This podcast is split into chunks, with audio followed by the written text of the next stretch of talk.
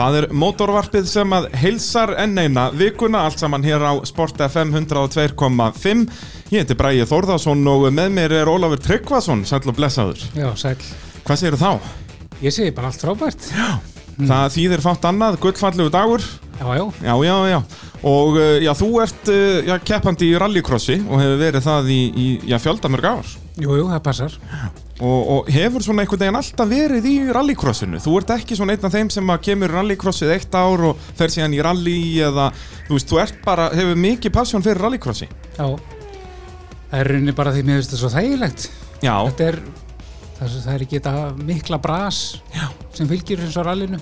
já og öðrum makstusjórutum í rauninni, Já. þetta er mjög þægilegt að bara mæta upp að braut. Já. Bara og, og Geta mætt bara á sunnundasmotni og, og svo er ég bara komin í pottin eftir kvöldmatt heima. sko. nákvæmlega, nákvæmlega, vonandi með dollu eftir daginn. Já, Það er svolítið svo það er leiðis. doldið svo leið, sko. Uh, Mótorvarpið að sjálfsögðu bóði AB varahluta eins og það hefur verið frá í að fyrsta degi og vil ég minna ykkur á að, að kíkinn á eh, ab.is og þar getið þið séð í að tilbóðsvörur mánaðarins og, og fleira og fleira til dæmis hérna eðal Thirds Black Magic sprayið maður, það er algjör eðall svoleiðis krækir sér inn í allar, eh, já, upp alla bolta og hvaðina og, og er svona riðleysir, getur ekki klikkað Getur ekki klikkað. það er svolítið svoleiðis og og ef ykkur vantar verkfæri þá er það innvelar, það er alveg sama hvaða, hvaða verkfæri ykkur vantar hvort sem að sé í trésmíði eða játnavinnu eða hvað það er Já, já. kíkju upp í innvelar Það passar, það er ímislegt úr skurnum hjá mér frá innveilum. Já það ekki, Jú, jú. allt morandi í einhverjum betaverkfærum og ég veit ekki hvað og hvað Jú, jú.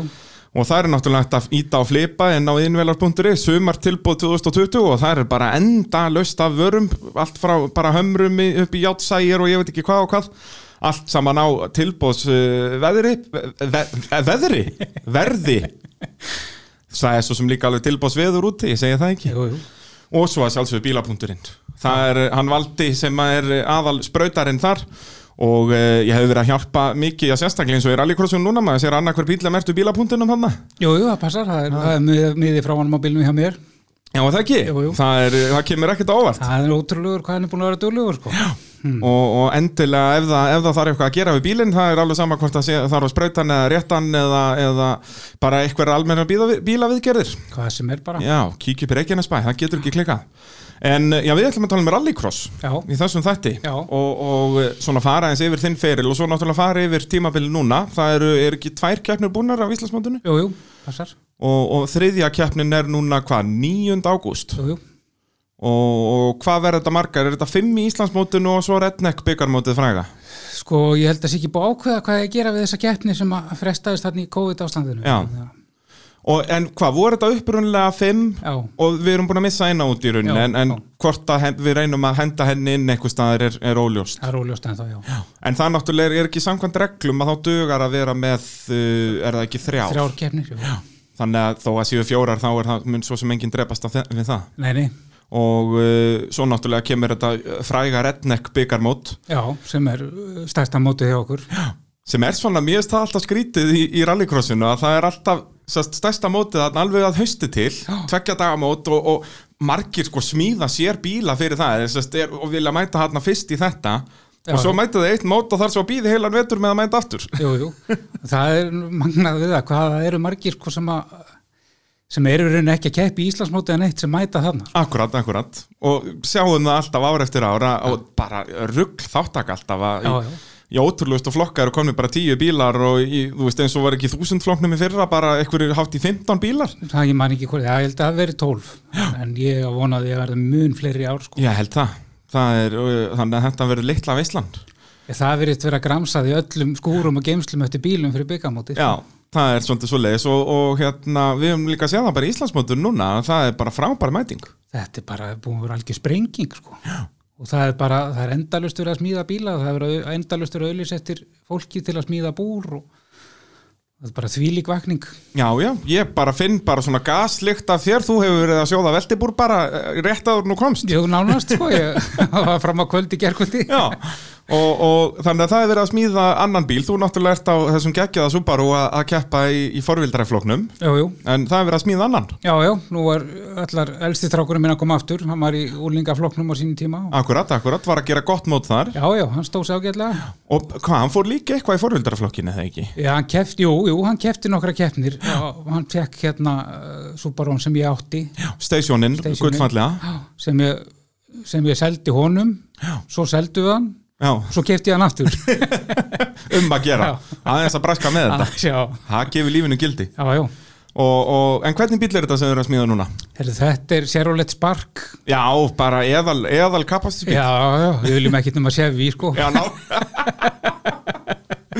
Þetta myndur nú kallast guðlast og Já, ég dónaskapur á veit sumum bænum sko, en, en það er gaman að því Og mér er svo stendur elles á honum, sko. Já, er það svoleiðis? Já, já. Er þetta sérulegt elles? Sérulegt spark elles, sko. Getur ekki klikkað, sko. Nei. þannig að það verður bara prjónað að staði í startinu og Ég ég veit ekki hugsa hvað það, sko. og hvað Og þetta, sérst, þessi bíl er að fara í þannig nýja flokk, 1400 flokk Já, sem er bara svona millist í rauninni frá náttúrulega þessi þúsundflokkur kom inn núna fyrir nokkrum árum og, og bara gjörsamlega sprengti rallycrossið jú, jú, og, og þannig að þetta er svona millistig þar á milli yfir í svo 2000 flokkin já, þetta er svona, já, dótti, þarna eru leiðir slikkar sem er náttúrulega ekki leiðir í þúsundfloknum akkurat og þannig að, já, þetta er svona milli á þess að fara alveg all in, sko. Já, og það, náttúrulega til þess að ná árangri í þessum eins og 2000 flokknum að þá þarftu svolítið mikið að pening Já, já, Það- þú eins og þetta er þarft orðið að- í dag. sko. Já, ég segi það, þú veist, bílinn þarf að vera að vel yfir 200 hestöfl og slikkar og, og nýtró og allir pakkin Já, já, Þannig að að um að gera, hafa svona millistig hérna, svona þegar menn eru orðnir þreyttir á að keira ægóin hérna í Jú, jú. á- 80 stafla græjuna.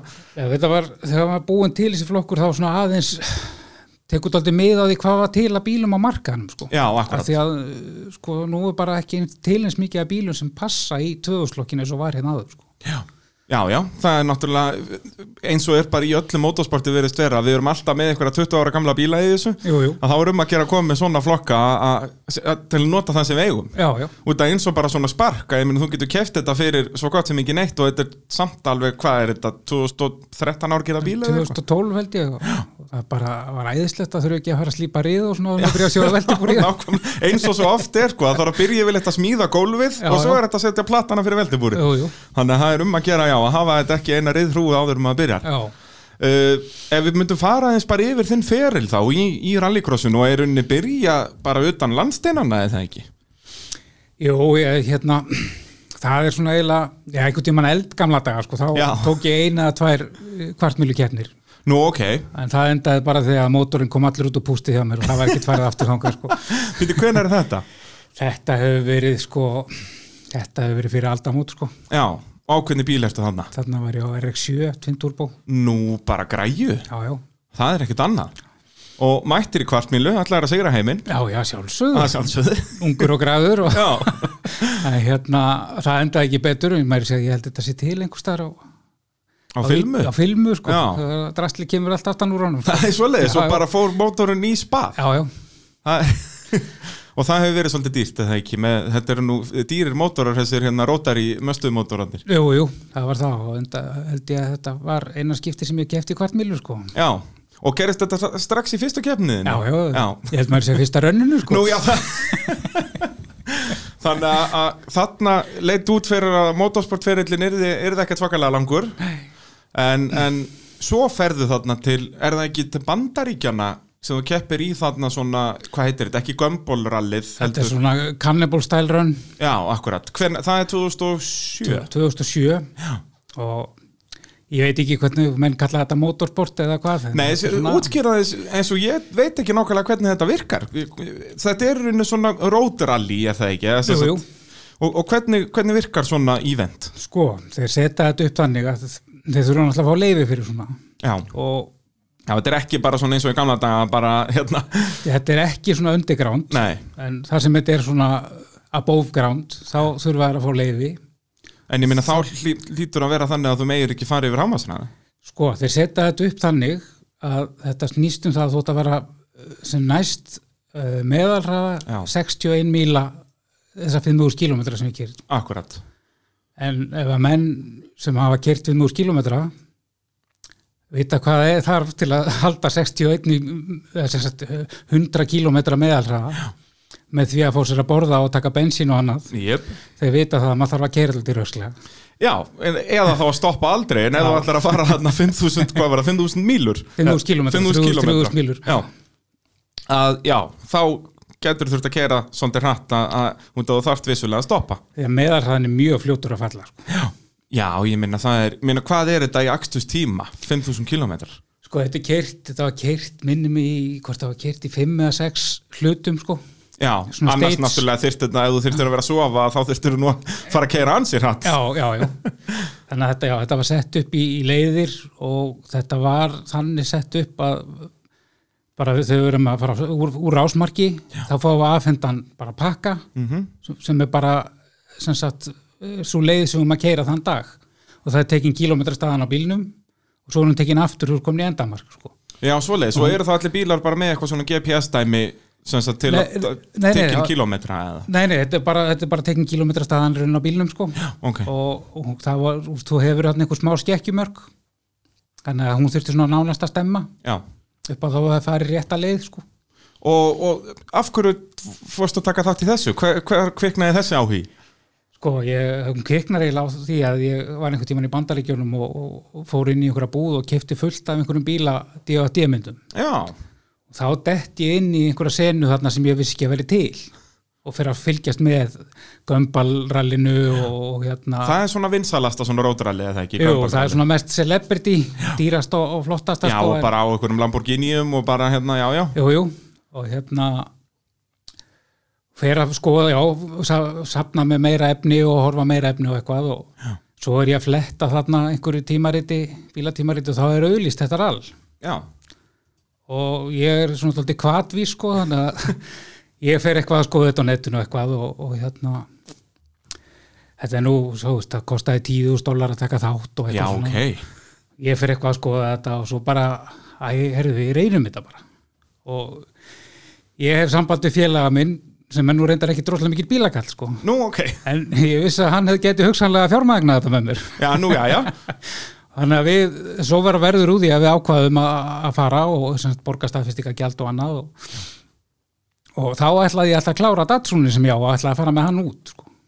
Já, svoleiðis, já sem var náttúrulega bara var aldrei að fara að ganga upp sko. Nei, þarna var hann náttúrulega bara skél eða ekki Jú, nánast sko. Já, og svo fæ, kemur tilkynning sem sagt frá þessum sem heldur keppnina um að, að Salín verður einn af styrtalarælum keppninar og í tilefni keppninar alltaf er að smíða 25 uh, sér við hérna Ford Mustang bíla já. svona Salim Mustanga svona spes típu sem átti að þetta Bad Boy Ok, 600 hestöfl og bara ekki amalugu pakki ekki græða þannig að og stendur aðeins þeim til bóða sem taka þátt í kenninni að kaupa þannig að við bara sláum til að kaupum einn af þessum bílum það er reyndar auðvitað aldrei framleitin nema nýju bílar sko Nú, ok, við fengum síðasta bílinn hann nummer nýju sko geggjað og hérna, Og ég meina eitthvað hefur það nú kostað já já, fullt af penningum Já.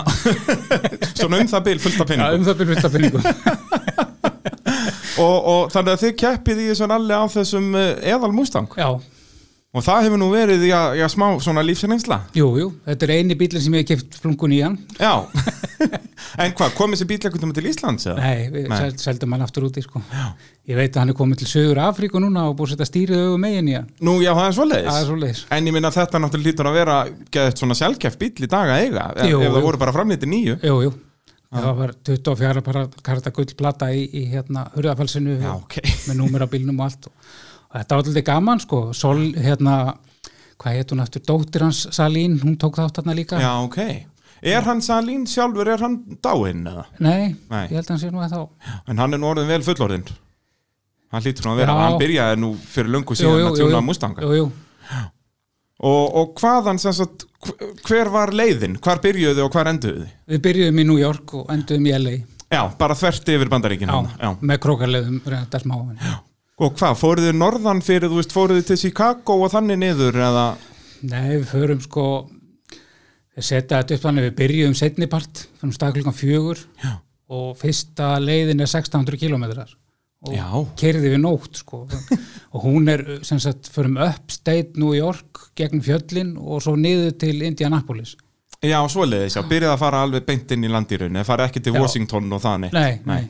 og hérna það var helvíti strempið Ég ekki trúa því Já, það var helvíti strempið sko. og og það er að með vilja gert sko að senda mann á staða svona eftir setni part og þetta er til að þreita menn sko já, já, byrja á góðu challenge já það er hérna neini, svo manni ekki nákvæmlega hvernig þetta var þetta var, Nei, svo, þú veist, við stoppuðum í, í hérna við stoppuðum í Colorado og, og þú veist, þetta var svo, sem sagt, það var að fara á stað, það fór hópur á stað frá New York, annar hópur frá Miami, já, svo hittust hóparnir í hérna í Las Vegas já svoleiðis, þannig að það er eitt eh, svona, já, eh, nokkri fara norðurleiðina og aðrir söðurleiðina Já.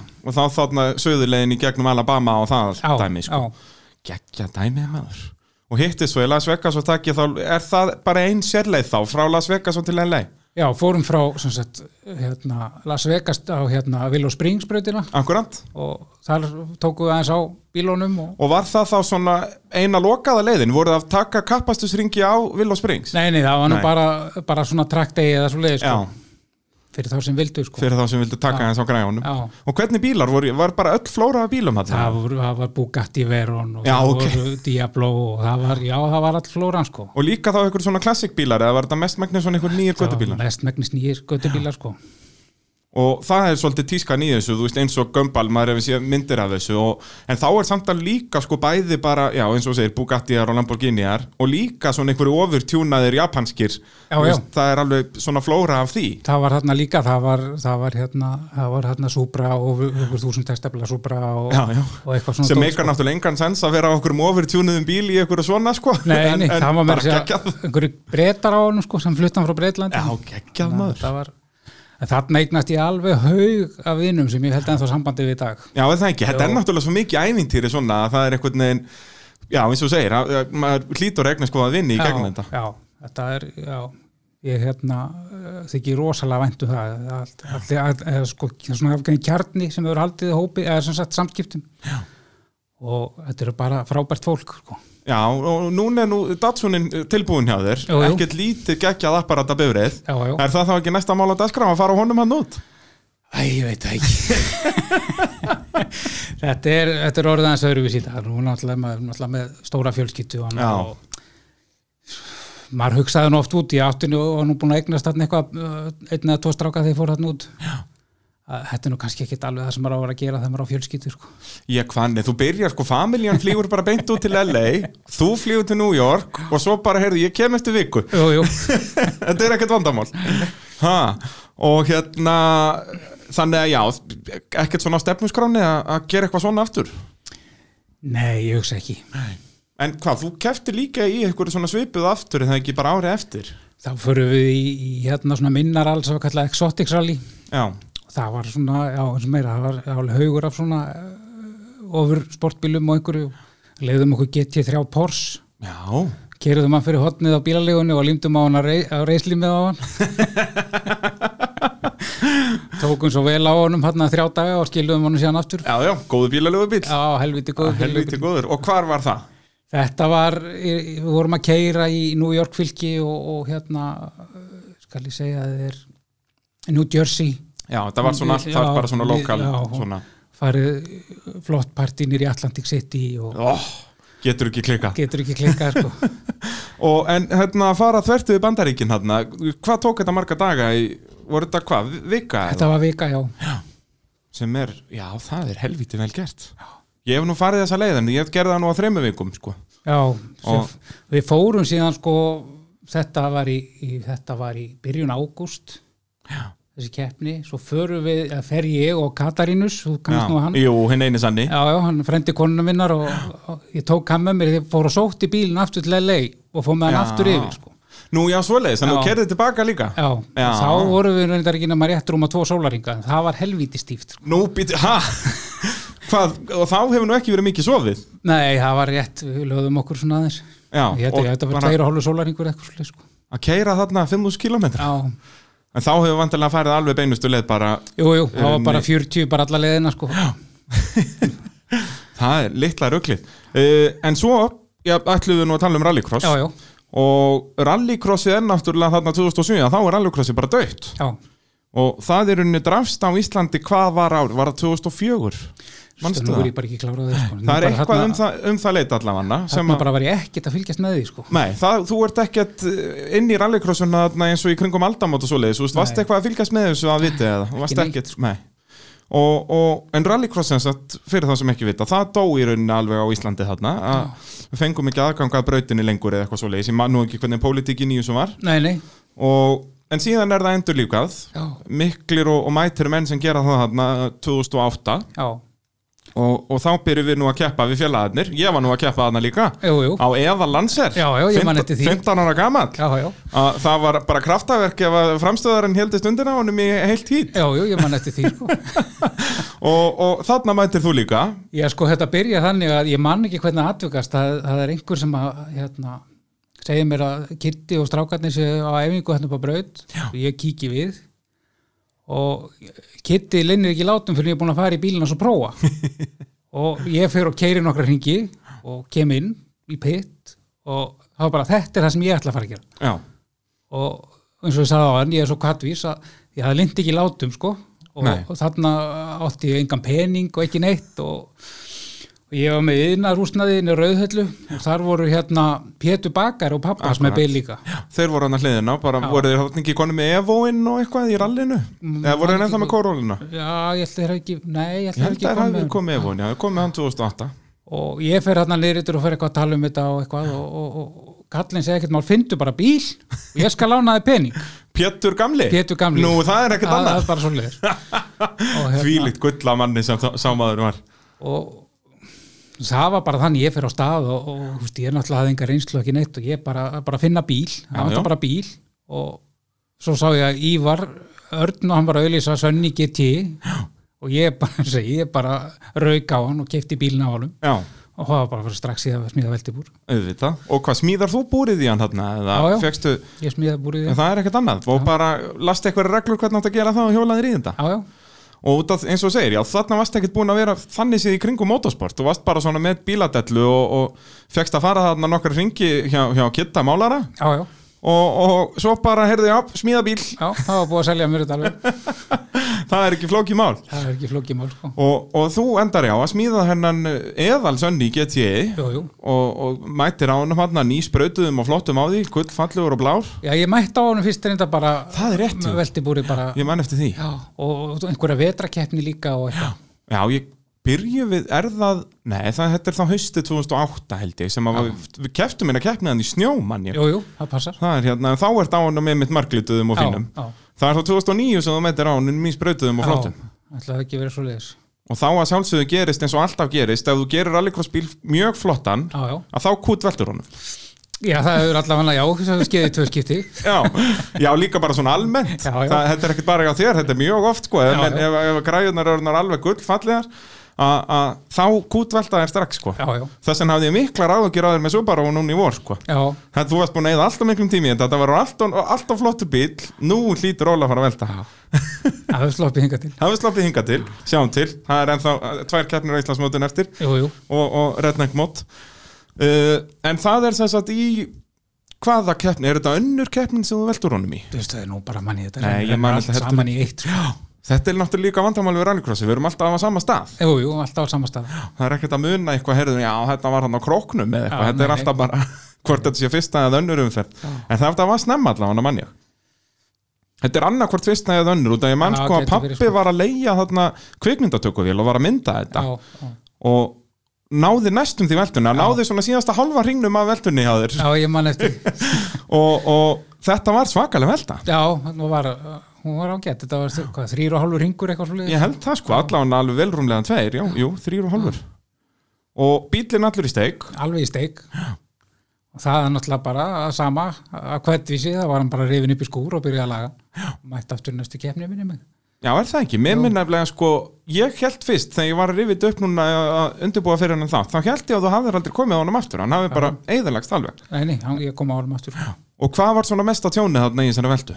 Það var frammyndin á honum, það, það skiptum um grindar, grindanef og, og innrabretti og, og eitthvað það var svona mesta tjónið sko. Og í, ertu að keppa þarna í 2000 flokki eða ertu í krónuflokki? Ég er í tvöðuslokki.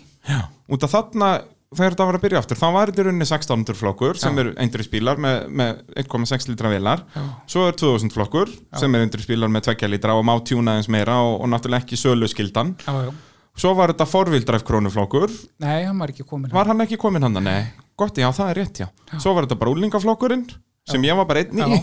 og opni, flokk- Já, Já, þetta voru bara fjóri flokkar hann já fyrst mér vinni það og svo hefur þetta þróast og, og þróast Já, já, og uh, já, kannski eftir svona örstutli að, að þá skulum við ræða já, hva, hvað þú ákvæmst að hjóla í þarna eftir, eftir sönníin. já, gerum það Það er motorvarpið eh, sem að heilsar ykkur þennan gullfandlega dag já, miðvikudag ef þú ert að hlusta á þetta hér á Sport FM 102.5 en þið getur svo sem verið að hlusta á þetta hvaða dag sem er ef þið eru bara að hlusta á þetta í, sem podcast uh, Ólafur Tryggvason, rallycrossari við erum að tala um rallycross Jú, jú, og uh, við erum svona farið við þinn feril uh, þú ert búin að kútvelta sönni þarna 2008, nei 9 Já, sennilega já, líklegast, já. mætir á honum aftur já. en ekkert í það margar keppnir út að þá f- fer að hérna Sko málið að skrifna við, hann, bílinn varð aldrei góður, ég veit ekki hvað það var, en Já, hann svoleiðis. varð aldrei góður eftir þetta. já, eftir veltuna já Já, ef- veltuna var eitthvað annað tjón hann líka og, og hann bara í einhvern veginn, hann náðist ekki að hjóla stilla hann alminlega. Og, Já, það var einhvern veginn svona hálfskakkur já, einhvern veginn. Og, en hvernig kram var þetta, þetta var tvekja lítra mótor í þessu það ekki? Jú. Varstu eitthvað búin að eiga við hann eða? nei, ekki tannig sko. Og kannski líka þá var erfitt, hvað, var himmið þarna aðalega á 1600 hondu að vinna allt eða? Ég man ekki hvernig það var hann. Nei, ég held að hann hafi ekki verið þarna. Svona, Nei, var hann ekki bara í krónufloknum þá frekar? Ég mann ég, þetta ekki. ég mann ekki. En, en svona, þú varst allavega ekki alveg svona reglulega að vinna keppnir á sönniðinum. Nei, Það, fór lítið fyrir því. Það fór lítið fyrir því, sko. það vantaði eitthvað aðeins upp á Já. og, og þe þe- þetta örlítla, ég þér langaði að segja það já, já. og, og hvað var það næsta skref? Erðu mér áskotnaðist svona ekki honda Já. fyrir lítið og svo áskotnaðist mér hérna Honda Integra Type R Já. og ég ákvaða saman þetta og reif Integruna og setti kramið allt yfir í þessa Hondu þarna við, við lítið fögnu Hondu samfélagsins á Íslandi Já, að vera að rífa integru sem er gerður gulli. Já. og hérna smíða hérna já, þessa hondu sem að sem fekk við nefnið bara Redneck hondan Já. sem að Já. Gunni heitinn kaupir síðan að mér setna Og er bara einhver, einhver indislegasta rallycrossbifrið sem smíðið hefur verið eiginlega. Jú, Það er, þó að hondu samfélagið hafi ekki verið satt með þetta. já, já og, og ég hérna mæta á henni þarna eitthvað og mm, kannski ég held að hann ekki gengi neitt rosalega vel strax í byrjun sko Nei. en svo tók ég bílinn í gegnum veturinn og fór í mótorun á honum og tjúnaði hann og gerði alls konar þvælu og um að gera. Já, já, strókaður og, og þjappan 12-7 og, og, og ég man ekki eitthvað, eitthvað meira dót sko. og mæti svo á honum og þá fóru ykkur hlutur að gerast Já. og hérna ég man ekki þá, já, ég held ég að við unnið þarna fyrstu tvær keppnina sko alveg afgerandi, Já, þetta er þá hvað, 2010 ég ætli þetta sé ekki byrjun árs 2000, eða sem sagt byrjun tímabils 2010 ég hugsa það, ætli það, þú byrjar hérna mjög stert og ég man eftir, eftir þessu að þarna, semst eftir að ferja þessar breytingar já að þá varstu í raunin alveg afkerandi bestur í þessum 2000 flokki Já, þetta var alltaf svo leiðið sko Hvert, hvaða breytingar gerur, þú náttúrulega tjúnar mótorinn Já. þú veist eins og var driflæsinga framann og svoleiðis Já, já.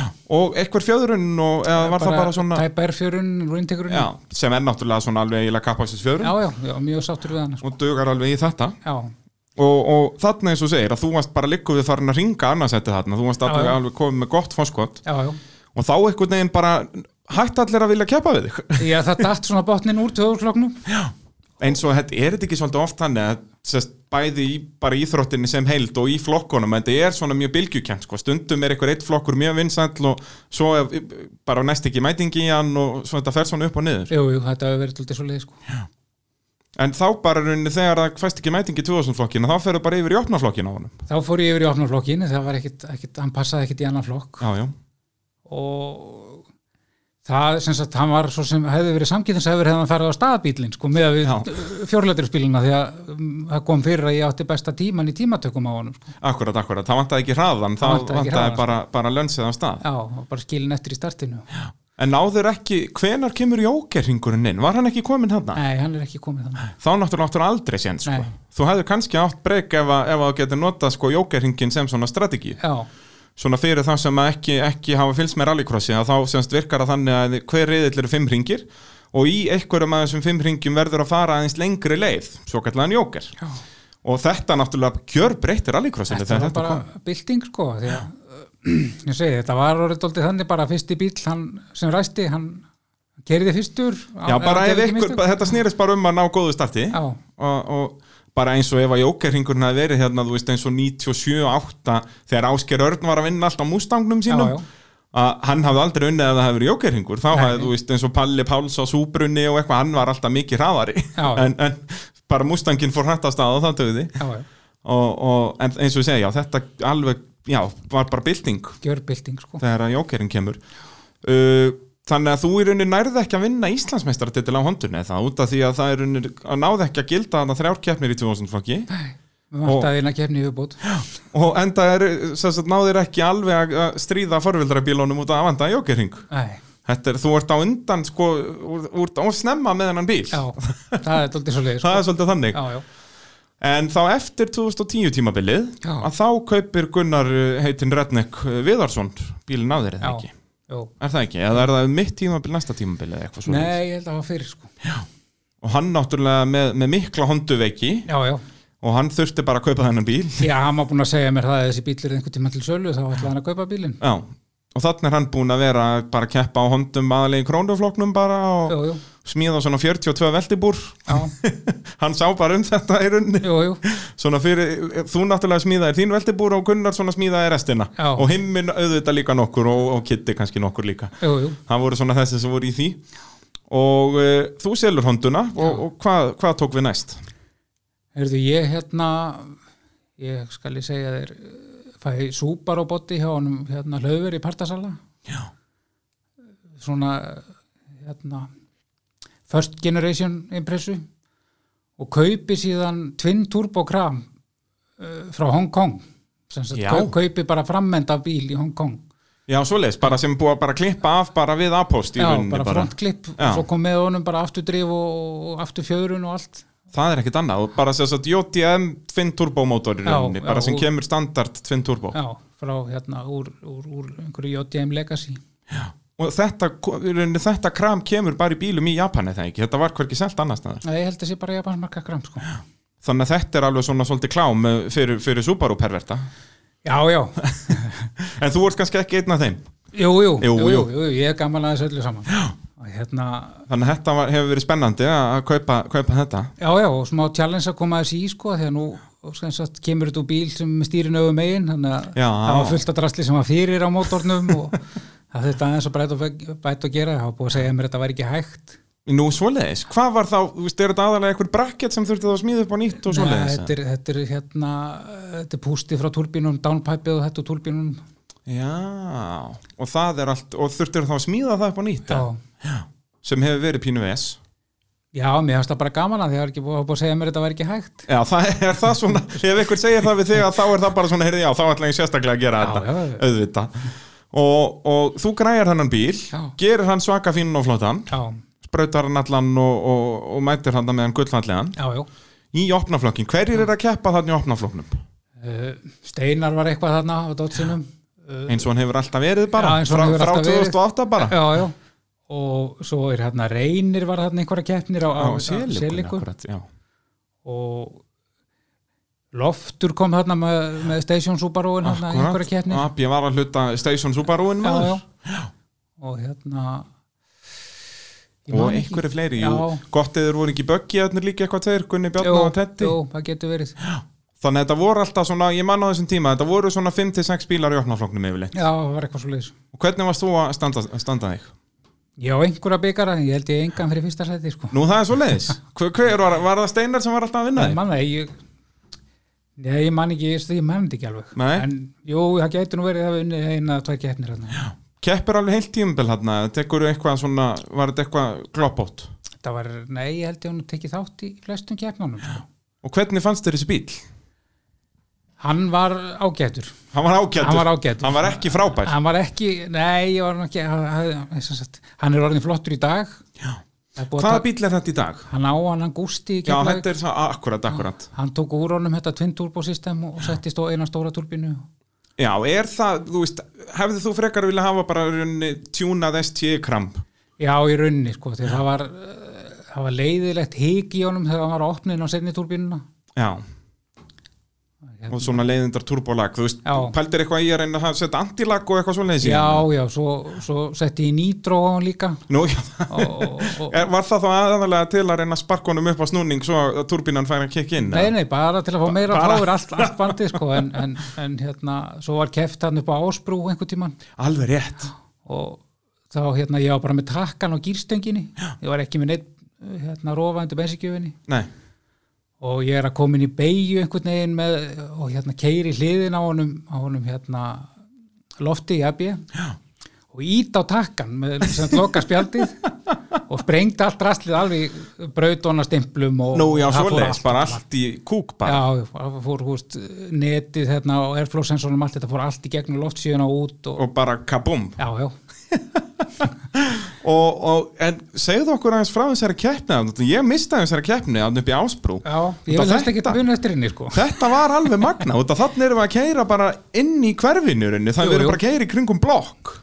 Nei, kannski Svona, ekki nei, alveg, ok, svona ekki þarna í- alveg, en það þarna- voru hús þarna. Já, já, já, já þetta, þetta var þarna þetta var þarna á einhverju bílaplanni og milli húsa og eitthvað sko og, og þarna einmitt kom þetta element sem við erum alltaf að tala um í rallycrossinu okkur vantar meiri fjölbreytni og, og þarna vissulega fengum við það Já, já, og hvernig fannst þér þessi braut?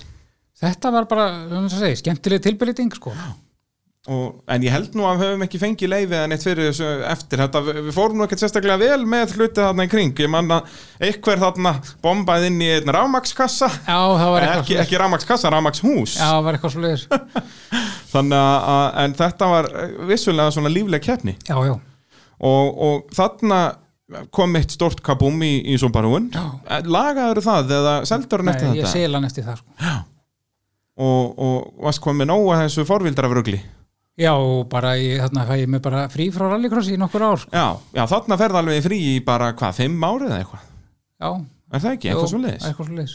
og kemur aftur uh, 2017 já, er það ekki rétt hjá mér jú, og þá í, í forvildræf krónuflokk já, og semst fyrir þá sem ekki vita að þessir krónuflokkar að, að það er í rauninni þannig þá eru reglurnar frekar opnar en að þú verður að selja bílinn eða semst tíu bestu bílarnir eru til sölu eftir keppni fyrir eitthvað fast verð sem er í rauninni til þess að stoppa menn að gera að eyða ómiklum pening í bílana já, en fyrir vikið verða þetta kannski svona aðeins meiri druslur út að fólk vill ekki hugsa alveg jafn vel um bílinn ef að, ef að þarf að selja þá já, já. og er þetta ekki alveg, er einhver krónuflokkur ennþá? Nei. Eru ekki báðir hættir? Jú. Núna er þetta bara hérna 1400, 2 lítra, opinn Já, er það ekki? Úlingaflokkur. Ólingar náttúrulega, já Þannig að það er ennþá nóga flokkum þá að báði, Já, báði sex- krónuflokkarnir sex eru flokkar, farnir sko. og það hefur standardin hefur hækkað aðeins Algjörlega. Þetta. og, og það er bara gaman að sjá hvað eru margir með sem leggja metnað í bílana sína í dag sko. Já, þetta, þetta er í rauninni sko þó að mér fannst alltaf svona sjarmur yfir því að, að það voru hann að druslubíla kappaktur í rauninni, en það er kannski svona svolítið annar hlutur, ég manna þegar ég fekk hann Pál Pálsson hérna í spjall að að hann talaði svolítið um þetta að, að eins og á Norðurlöndunum þá heitir það í rauninni bílkross Já, já. það er ekki rallycross nei, og, og við vorum svona að reyna að blanda þessu tvennu saman Já. sem er kannski ekkert sniðut nei, og ert þú alveg á þeim vagnið að það, rallycross á að vera bara professional og flott ég finnst það já, já. alltaf fundist það sko. já, ég er í svona samála er þannig, en ég væri samt til í að fá bílcross líka, já, já, það þurfti bara að hafa, hafa, hafa bara aðskilið þetta sko. hafa það bara á modninum fyrir rallycross keppni eða já, eitthvað deginum áður eða eitthvað hafa það svo leiðis, En það, ef þetta heldur áfram svona eins og þetta áhorfir, sko, þá kannski þurfum við að fara að keppa báða dagana, sko. já að- að- það þurfa að hafa hérna undan keppni í rauninni til að minka keppendur niður í tíu í rauninni, Já, og það er, er það ekki þannig í reglum í Íslandsmótinu að það mega bara vera tíu á brautinni, tólf. það eru tólf, ok Á, ámark tólf. Hámar 12 Nema í retnæknum eða ekki, þá mega vera fleiri eða ekki Nei, Ekki, ekki, sem sagt, ég held að tólf sé hámarki, sko, Já. í brautinni með að, hva, með að hvað hún er breið, sko. Já. Og hérna, en alltaf í regningnum þá náttúrulega eru aðeins öðruvísi reglur, það er svona, Já, já. náttúrulega eru við ekki að keppa í Íslandsmót, þannig að það er aðeins frjáls, frjáls, frjálsara, sko. auðvitað, bara eins og Gunnar hafði viljað þetta Já, já, Það er svolítið svo já, leiðis já. uh, Á hvaða bíl kemur þarna 2017? Ég hérna kaupi bílinn sem að hérna Kitty Málari var Íslands, Íslands og byggamestari á 2016. akkurat, í þessum forvildref krónuflokki já, sem er uh, Subaru Impreza svona station já, sem að bara virkaði vel eins og Já, já. segja, Kitty var hann náðu góðum árangri á honum já, já, og þú mætir 2017 já, og þá er einmitt þessi breyting komin að þarna, nú þarf þetta að fara að jókja ringin eitthvað sem þú hefur ekki gert áður já, já. Og það var sko, ég, la, ég kom að uppbyttur og eitthvað, þetta var svona, þetta var pínu sorglegt þarna 2017. Já, þá er þetta í svona smá niðurbylgju Já, og hérna, mér bara fannst vanta í þennan flokk og, og mynd eftir ég að, að, að hérna, hefði, fyrir einhverju síðan hefði kitt öllist hennar bíl til sölu. Þannig að ég fer bara til kitta og kaupi bílinn og mæti og, um að gera og þá einhvern veginn þegar ég kem í þennan flokk þá kom einhver annar og þetta bara fór boltin einhvern veginn að rúlla bara fljótlega eftir þetta sko. Já, já, það er nefnilega máli að það þarf alltaf einhvern eitt svona til að, að að taka skarið já, já, og þá svona herðu, já, þetta getur verið gaman og þá eldi einhverjir já, já. En hvernig gekk þannig? Þú nær nú ekki titlið þarna eða? Nei, nei, nei, nei, nei. Og hverjir er þetta, hann hérna, er þetta galandinn sem er aðalega að vinna þarna? Eða er það aðeins setna? það er aðeins einna er, hann, er, hann er núna hvað 2018 og 19 sem hann vinnur Hver, hver var Íslandsmeistar í sem flokki þarna? Manstu það? nei, ég man það ekki Nei. Og, en, en hérna, manstu ykkur hverju voru að keppa þarna? Hver var að vinna þig? Af hverju varst þú ekki að vinna? ég var í einhverjum gírkassavandræðum og einhverju svona Það er svoleiðis. já, Það var nú ekki að vera hægt í rallycrossi, það átti ekki að vera svo auðvelt, þetta eru bara 25 ringir í kefni, þetta á ekki að vera bila. nei, hérna nei, nei, hérna ég man ekki hverju voru þarna þetta er, þetta er, eins og ég segi, þetta rennur alltaf einhvern veginn saman öll Já, árin. þetta gerir það sko, ég var að fletta þessu upp, þetta Já. er, jú, tröst er hann að meistari, er hann ekki á galandinum hann? Jú, 2017 Já, Já, Trausti Guðfinnsson meistari Ok. Arnar Rapp Gíslason í öðru sendi var hann ekki á impressu líka Jú. Arnar, minni það og Ólafur Tryggvason í þriðan sendi já, já Ok, þú, hérna, þú, það keppir engin já, flokkurinn er ekki með í fyrstu keppni Nei, en síðan sleppir fymtum fyrir henni já, en ert í, þú ert í öðru sendi í annari, þriðju og fjórðum fyrir já, já, ok Já, sko, ég er að- hérna, alveg að bústa þér upp hérna Þetta er endar alveg mjög magna tímabil að í, í sem sagt, annari, þriðju og fjórðum ferð er staðan nákvæmlega eins í fyrstu þreymur svetunum Já, Trösti vinnur þú annar og Arnar þriði Já. og Arnar endar að vera fyrir ofan í mótinu út af því að hann kefti í síðustu keppni já, og eh, eftir þetta tímabil hvað gerur þá? Selur svo barúin já, ég sel stráknum vinnum Subaruinn, eftir Já. stráknum og, og hann, þá var hann búinn að vera að keppa í úlingaflokki Já. á hvaða bíl, var hann á hondu í Hann úlingaflokki? var nú hundur sem ég smíðaði fyrir hann Já, þau smíði nýjan bíl hann enda voru það er nú nokkrar það- orðnar ansi lifaðar hondunar Já, hann hann var rótnar heilut í slappa sem Já, hann er um að gera smíða nýja hann já, og hann stóð sér bara ágætlega í úlingaflokknum já, já, og um að gera þá að fara, hann far bílpróð þarna og fer þá yfir í, í forveldaraflokkin já Kefti hann einhverjar, mann ekki hvað var marga keppnir já, eitthvað þrjár, fjórar Já, jafnvel. Eitthvað eitthvað svo leið, sko og, og hérna og þá er þú, keppir þú ekki 2018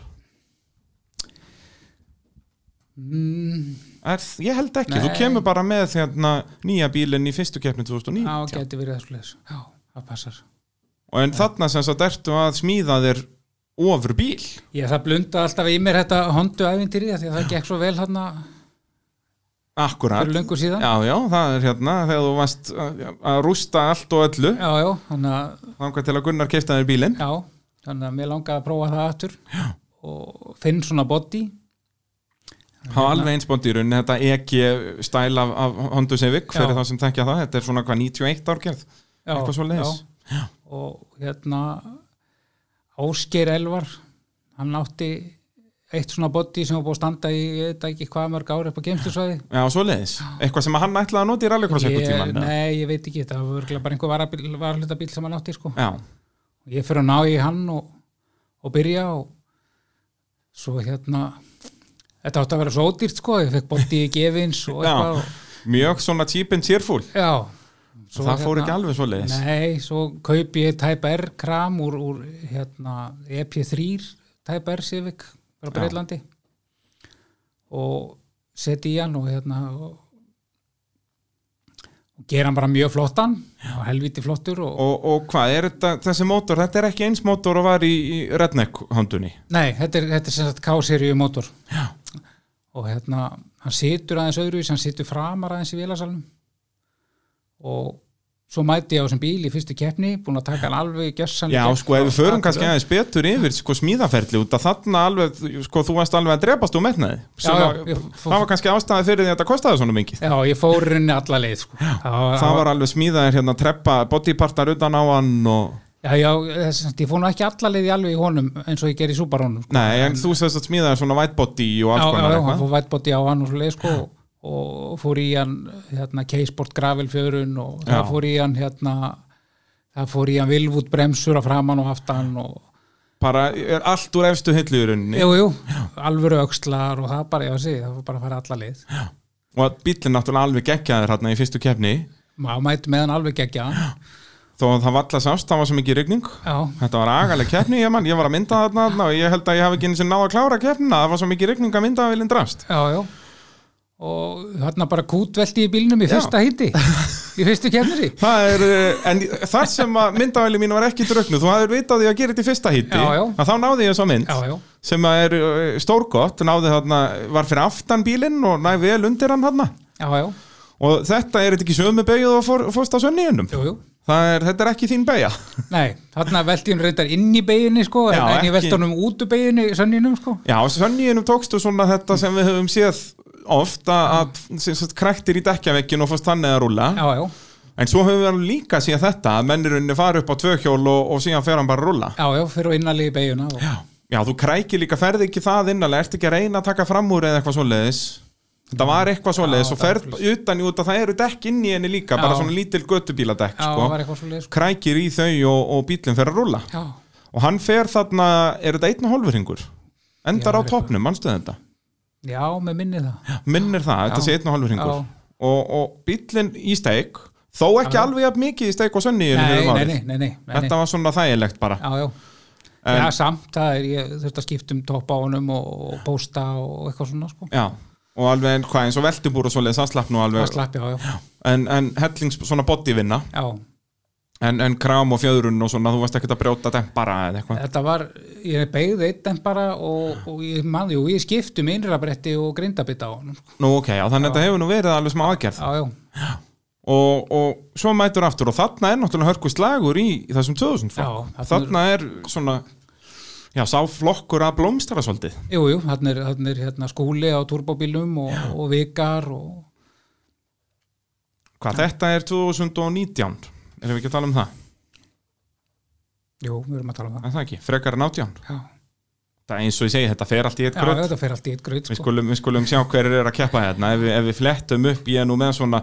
tölvu fyrir framann mig sem það til Nei, þú ert ekki, þetta er 2018 Já, er það ekki. Hér er, hér er engin Ólaða Tryggvason í, í, í 2000-flokknum Er vikar, er hann komin á redningkontuna þarna?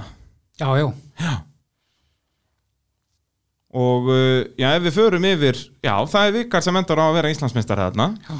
Já, Guðmundur Elíasson er mættur hana Jú, jú. Torfæru strákurinn sem Jú, við jú. tókum viðtal við hér í, í motorvarpinu um, um daginn hann er hérna á á BMF með hondumotor og þetta. Akkurat, tapar Íslandsmeistaratillunum fyrir, fyrir vikari og svo er skúli Bjöttus í þriðja, Atli Már Ragnarsson uh, er hann þá ekki á hondunni sem að síðan pappans var meistara á, árið eftir Já, ætla ekki. Rauðu EK hondunni, heitir það bótið ekki EK? Jú. Sko, ég veit allt um hondur og svo er það Ragnar Magnússon svo Arnar Freyr Viðarsson og svo loksins kemur Ólaður Tryggvason Já, hvað þú keftir, þú, þú hérna klárar svo fáar keppnir hann já. þú Ég ert færð velti bara aftur hérna Já. þriðju kefni. Minnum, Nei, fjórðu, Ja, um- fjórðu sennilega. keppni, þú, já, já. þú endar í þriðja sæti í, í þriðju keppni já.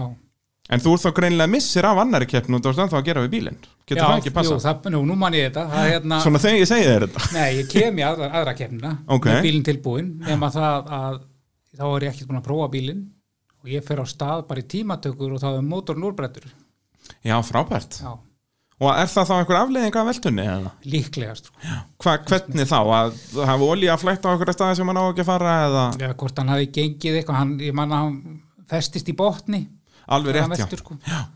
að hérna, það er spurning hvort það hefur einhver afleðing því sko og þá fer ég bara strax í það og kaupi sko hérna, Type R, ja, hérna JDM Type R mótor í hann Já, á meira afl sko, meira afl það veltar hraðar fara hraðar út af það er, og sem þú sannlega gerðir nokkrum já. keppnum síðar já, já, en, en hvað, þú mætir þá í þriðju keppnina með nýja mótorinn já, það gengur svona príðisvel, nær þriðja sætinu já, svo í fjörðu keppninni er, er kerður öfugur hringur þá já. og, og þá er það í löngu Malbyggsbeigjunni svona fyrir þá sem þekkja hérna rallycrossbrautina Svo er það ekki þar sem þú veltir, alveg efst á brautinni alveg, jú, jú, sem sagt alveg innst í beigjunni sko. já, málið er það bara, ég veit ekki hvað það var ég gat ekki kert þennan bíl það er svo hann leiðis var svo yfirstýrur og ég var að berjast við hann og rauninni fann aldrei neitt út úr því sko. og ég man það bara, ég kem inn í beiguna og raskati fer bara undan mér og ég fer með framdekkin í, í dekkin og og fer svona mjög rólega mjög rólega er þetta ekki bara hálfur hálf- hringur sem þú hálfhringi, ferð? jú, Já, endar bara á toppnum. endar á topnum bara. enda er þetta svona, já, svona hálfklaufalegt að hafa verið oltið svona til að byrja með í raun og það, Jú, jú. hraðin var það lítill að átt ekki að geta gest í raun já, já, það er svo leið sko. en, en þannig að tjóni var svo sem ekkert það, það mikið þarna, Nei. bara svona beglur já, sem er náttúrulega ekki gott á svona flottum bíl Nei. það, það, það er skellurinn við að vera með svona mikið metna það má ekkert út að breyða nei, nei það er allt annað að þú ert bara með eitthvað gamlan Subaru sko en það er nú, þetta er nú bara blikk og plast Já, og plast, já. það er alltaf hægt að laga þetta nákvæmlega, nákvæmlega og þú náttúrulega ert, ertu mentaður eitthvað hvað, bílasmiður eða bílamálari fórulari byrjaðsmið, já, og, og hvað, þú hefur alltaf verið, verið að vinna við þetta þegar ekki bílamálun eða smíði eða hvað þetta heitir nei það er svo leiðis, ekki síðustu hvað átt árin eitthvað leis ok, þetta hefur meira bara verið það áhagamál núna en náttúrulega alltaf Já. frábært að kunna þetta allt saman Já, já, ég bara fór ekkert að njóta þess að gera þetta fyrir en ég hætti að vinna við þetta sko. Já, er það ekki nefnilega svolítið svoleiðis? Jú, það er Að- svoleiðis. það er hérna, ef þetta er vinnaðinn þá, þá er erfitt að hafa þetta hobby líka Já, það er, það er nákvæmlega svo leis sem var í mínu tilviki Já En núna alveg elska ég þetta sko. Já, er það ekki, Jú. maður sér það líka bara eins og á Subarunu sem þú ert á núna Já, já, að það er hérna, þú þarft að hafa smá ástriðu til þess að nenna að gera þetta allt. jú, jú Það er, Þetta bara, ég segi þetta bara bjarga geðilsunni minni sko. já, er það ekki Jú, jú, bara Já, orðið gott safna verkvarum og geta farið bara niður í skúr á kvöldin að dunda með þetta er bara eðislega Alveg geggjað og hérna eftir örtutli að þá getum við námiðt farið að tala um hennan Subaru sem þú ert að keppa á í dag. Já, já, Þið eru að hlusta á motorvarpið hér á Sport FM, allt saman í bóði AB Varahluta, Yðinvjela og Bíla.sins. Ólafur Tryggvason, við erum að tala um rallycross já, og uh, höfum verið svona að rekja feriliðinn uh, upp að, uh, já nú erum við bara komin að 2019 í rauninni. Þú keppir ekkert 2019 eða? jú, Er það? já Á hvað? Á þá hondunni aftur? Nei, ég keppi á hérna Súbarónum, ég kaupi Súbarón aftur Akkurat, já, það er náttúrulega líkið latrið að að fara í marga ringi með þessa bíla. já, já, ég, ég sem sagt strákurinn hefði selt Subaruinn og hérna til hans bróður hans trösta hérna sem að vera á Akkurat, garðinum. akkurat, akkurat. og ég kaupi hann aftur Og keppir alveg, svona einhverja nokkra keppnir, Einhverjar þú nokkra tekur nú keppnir, ekki alveg heilt tímabil. nei nei nei, nei, nei, nei, nei, þetta var líka held ég bara miðju tímabili sem ég kaupi bílinn Já, akkurat, akkurat. Og, hérna- ég ætlaði að hætta, Já, það gekk svona vel. það gekk svona vel Eh, ég fekk nóg eftir þetta hondaöfundýri Já. og ég bara Og náður, náður að hætta alveg í marga, marga mánuði, en ekki mikið meira en það. þetta er ekkit neitt rosalega sko en hérna, hérna ég seldi allt, ég seldi bílakeruna og ég seldi bílinn og Já, svoleiðis bara, ætlaðir alveg að reyna að fara út úr þessu bara alveg. Já, ég bara einhvern veginn fekk bara ógeð og bara fannst svona eins og ég bara gæti þetta ekki lengur, það er ekkert gengið á þessari hondu og Já, bara, bara svona, hérna, neistinn farinn svona. já, Og en, s- ef þú förum aðeins aftur að tala um þessu hondu, þú sagðir að þú bara gætir ekki kertan, já, hann væri yfirstýrður og eitthvað og, og hérna, en hvað, þú fannst aldrei neitt út úr því, þú veist, fóst eitthvað að reyna að prófa hann eða þú veist, hvað var málið? já, ég var eitthvað að fyrkt í fjörun og bremsum og einhverju og bara, ég fekk hann ekki til að virka sko. Nei. En hvað, það vikar á þennan bíl líka í dag? Jú, eða? jú, vikar kaupir hann svo að mér sko. Þetta er stór hættulegt að mæta með svona ekkibot í, í, í, í rallycross út að vikar endar og kaupa þetta allt. Já, já, Það er svolítið svo það er leiðis. svo leiðis sko. Og, og hérna, en þú síðan já, mætir 2019 í nokkra keppnir og aftur í, í forvildaraflokkin. Já, Þá er hann- forvildaraflokkurinn hættur að vera krónaflokkur þá. já, Var það fyrst 2019 eða 18 eða eitthvað svo leiðis sem það er já, breytaði? já, já, og, og þá er þetta í rauninni sett svona aðeins strangari reglur en, en þá tekið þetta í burtu að bílarnir séu til sölu já, sölu skildan er farin að bílunum Já, og fyrir vikið urðuði nú aðeins flottari svona já, menn fóru að leggja metnaði bílana og tjúna og gera tjúna og gera og græja og, og eins og já líka bara þetta að hafa þá snirtilega og, og svona góð í ekstra mæl eins og maður segir Já, já. Þú veist, eins og ég, mér fannst ég sérstaklega að það með galandinn hvernig hann þróaðist út að hann er raunin að keppa yfir allt þetta tímbil byrjaði þegar þetta var krónuflokkur og, og eins og hann er í dag já, já, alveg allur strýpaðar að innan og þú veist búið að leggja svona þennan leiðindar tíma sem tekur svakalega mikinn tíma en þú græðir kannski eitt svo mikið á því en þegar einmitt að þú þarft ekki að fara að selja bílun eftir keppni að þá langa þér að gera þessa vinnu já, já, er það ekki akkurat það sem við vorum að leitast eftir með þessum jú, reglubreitingum það var, það var akkurat það sem vorum að gera sko. og svo fer þú alla leið með þetta núna Já, já, er það ekki svolítið svo leiðis? jú, sko, hann var, hann var hann helviti lifaður þessi bíl, sko. Já, Boddi á hann var helviti liðlegt. Og ég vissi alltaf að eh, þetta boddi, hann vikar átt þetta til, þetta boddi sem ég er með núna og ég vissi að hann væri búin að eiga eitthvað tíma, sko. Og þannig að ég fór að fallast eftir því. Já, er þetta ekki í rauninni botti sem að upprunlega var smíðað fyrir Jónba, hérna Jón Bjarnar Hólsson, Nei, er það ekki svo leiðis? nei, þetta er boddi, sko, Nei, alveg rétt, já, það er annað botti, já, hann byrjaði að smíða þetta hann skafti. alveg rétt, já. Og Já, en ætlaði- eitthvað ætlaði með- kaupir skaftið, nei, ég man ekki nákvæmlega söguna af þessu, ég, ég þóra ekki að að fara með þetta. skilst að hann hafi staðið hvort hann stóð á Snæfisnes eða eitthvað þessi bíl Já. og hvort að Valdi hafi náði í hann ef ég man, ef ég man söguna rétt Já, og Skafti hafi síðan náði hann á honum og ha- skaftið ætlaði raun að smíða rallybíl úr Já, þessu eða ekki, jú. og það hann náttúrulega á svona GC8 uh, rallybíl Já, og síðan gafst hann upp á því og þú kaupir hann á honum. nei, Nú það Ég- er svo ég kaup hann af Vikari. Já, vikar kaupir hann af, það er, sko, motorsportgræjur og, og Já. eigendaskipti, þetta, þetta fer vel saman. Já, þannig er þetta rauninni bara sandblásin skil með, með búri það er búið að setja veltubúr í hann Já. Já.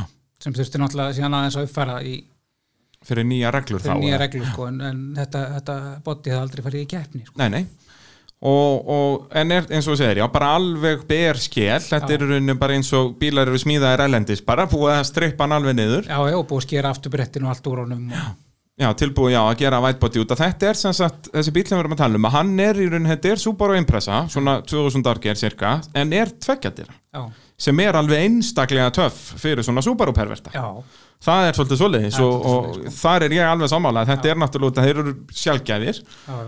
og, og um, sko sérstaklega þegar komið svona whitebody á þá þá er þetta, út að þá er þetta bara eins og vaffir sé bíl, Já. bara svona heimsmeistara bíl í rallinu En það kom aldrei neitt annað til greina en Nei. að setja vætbóti á hann. já, það annað er bara guðlast og dónaskapur það er bara svo leiðis og uh, hvað, þú kaupir hann hvað, haustið 2019 eða Já, eitthvað svo leiðis já, og ert svo, já, þetta var nú alveg svona tight schedule, em- eins og maður segir að- að smíða hann bíl já, ég man því ég ég held að við sótt hann sko ég- já, ég held að við ekki bara verið í lok óttobur að byrja í nóvambur Já.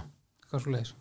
og þá er þetta bara berskjell Já, uh, var alltaf upprunlega sko eina sem ég er svo bjánlegt við hennan bíl að þetta er bara non-turbo Subaru já, að þetta er alveg bara fjölskyldu bíl und, undir bodyinu sko svona nánast sko en hérna, var alltaf planið að fara bara í forvildaraflokkin já ég, að, planið var bara að smíða eins léttan bíl og hægt var fyrir þennan forvildaraflokk fyrir þennan fólöldraflokk hérna ég átti þarna ágæti skram Já. og hérna það var bara já, sem, sem, smíða, smíða mjög léttan og góðan bíl ég vissi það að það væri hægt að vinna þennan flokk með svoleiðis bíl já, já. og, og sest, kramið úr þessum er það bara sem var úr st stasjóninum upprunulega, já, ég gerði það, ég mætti svoleiðis í fyrstu kefni já, og mætti bara svoleiðis bara með ST fjörun og eitthvað og er þetta, var þetta hvað, 2 litra vél bara, Nei, eða 2,5 bara gamall sem er svo- átján motor. maxið er það ekki, er ekki 2,5 litra Jú. og mæta honum núna bara í fyrstu keppni núna bara í byrjun þessa tímabils já, já, bara fyrir nokkrum mánuðum síðan og, búin að eyða heilum metri að smíða bílinn já, já, og ef við förum kannski aðeins yfir þetta smíðaferli sem sagt, hvað er það sem þú gerir við þennan bíl það er unni bara það er allir bodypartar úr, úr plasti og hvernig gerur það? sko, ég kei- kaupi white body kitið Já. bara erlendis frá erlendis frá ég kom það bara heim bara, og er það úr plasti sem sagt úr það er svona bara treppa trefjaplasti, sko já. það er sem sagt komið afturbrettin heim bara þegar ég var að koma á fjölskylduferð í Flórida Auðvitað. þau voru svo stóra konan búin að fara að vesla og þú líka já, ég Já, já. er bara með afturbrett elskan þau voru svo stóra, ég sagaði því sundur til að- já, svoleiðis já, Tekið með- til að komast með í handfánungur Já, nánast og hérna En það er allt í lagi, fyrst þetta er bara trega plast Já, og já. þá er nú auðvelt að setja þau saman aftur já, já, það var ekkert mál svo tek ég bara mót að toppnum og hurðunum Og hvernig, hvernig virkar það prósess? Þú veist, þetta náttúrulega tekur hellingstíma eða ekki? jú, jú, en svo sem, jú, jú, þetta auðvitað tekur þetta allt einhver tíma já. sérstaklega líka því að hlutirnir sem ég var með til að taka móta voru nú hálfa ónýtir sko, þannig að Já, þetta svo- byrjaði að laga þá Þú þurftur að byrja á að laga hlutin eins og þú vissir að maður er aldrei að fara á bílinn út af að vera bara að taka móta já, þig. já, laga hlutina sem ég var að fara að henda það er frekar spes að vera, hvað er þetta að veisinnast? Já, ég er hérna þess að spasli í toppin og svona, nú já, ok, við erum að gera á greið, nei, ég ætla nú að henda þessum topp. já, nákvæmlega svoleiði sko En, en það er eins og segja, þú að drepast um metnaði Já, já, og, og þannig að þú tekur móta þessu og er mótið gert úr, hvað, Já, eitthvað trefja- svona trefjaplasti trefjaplasti líka bara, bara, já, og, já. og svo er sett, hvað, einhver dúkur eða eitthvað innan á það og sett svo treppi inn í það. nei, nei, það er hvernig- rauninni bara bónhúð sem er sett á milli, sko Já, það þarf ekkert meira en það. Nei, Þannig að þetta er svona þannig séð ekki svona flókin starfræði en þetta er náttúrulega svolítið leiðindar vinna eða ekki ekki, maður er bara búin að græja sér vel og, og tekur sér tími í þetta, sko Já. Því er ekkert að gera þetta í einhverju stresskasti, sko Nei og þá kemur þetta inn á sem við vorum að tala um hérna fyrir hlýja þægilegt að skottast nýri skúr og náttúrulega sérstaklega þegar skúrin er eins og það er hjá þér að þú átt svona svo gott sem hvert einasta verkfæri sem þú mynd nokkuð tíman þurfa og allt svona þetta er, Já, já, það er strax orðið leiðilegt að þú ert bara með eitthvað gamalt skralsett og ónýtan hamar Ah, já, já, ég er alveg samlega því, þá sko einhvern veginn fer svona mikið af ánægjun úr þessu Já, já, þess vegna verður fólk að skella sér yðinvélar kaupa sér verkfæri kaupa sér verkfæri, já, mæli með því eða AB var Já. þeir eru líka með fír, fínustum verkværi Jú, jú, þannig að um að gera já, hérna Svo var nú, fann ég nú hérna, það var nú til mót af húttinu, það fannst upp á lofti hjá, hjá Vita Finns já ok, þannig að þetta var ekki þú varst ekki alveg að start from scratch Nei, eins og nei. maður segir Nei, nei, og svo, já, dundaður í þessu að gera og eru allir hlutirnir á bílnum úr plasti allir nema skottloki, ég, ég vildi ekki léttan meira að aftan, sko já, svoleiðis, það var bara gert að, að, að það var ekki út á nettir ekki að gera, það Nei, nei. var bara að, að, hérna, að vilja gert, Já, þannig að og, og ertu búin að vikta bílinu? já, Hvað viktar eitt svona Subaru? Hann virktar uh, sem sagt, tilbúin í keppni með bensín og öllu uh, 998,5 Nú, kíló. það er svoleiðis, er hann undir Hann tonni? er undir tónlinu.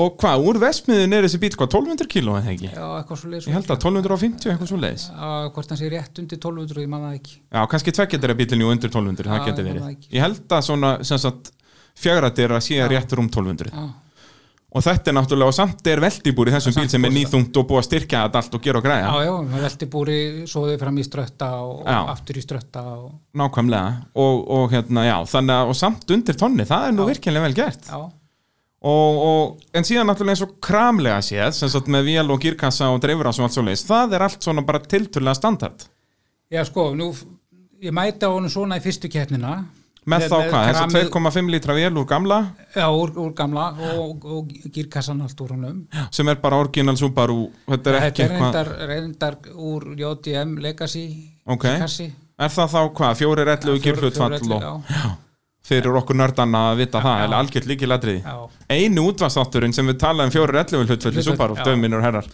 endilega hlusta á mótavarpið já. En svo núna fyrir síðustu keppni þá alveg umturnaði bílnum og skiptu mótor, driflínu og fjöðrum. nú það er Það svoleiðis, er svoleiðis. fyrir núna aðraðumferðina Já. sem var að, bara var hún ekki núna fyrir tveimu vikum Jú, og hva, hver var pælingin þar? herðu mig áskotnaðist að Ameríku Forrester með 2,5 mótor, Mm uh, lítið kerðan bíl og þetta er nýrri mótor. og er þá eitthvað aðeins fleiri hestar? Já, tíu, tíu höstu bleið upp á eitthvað svo leiðis.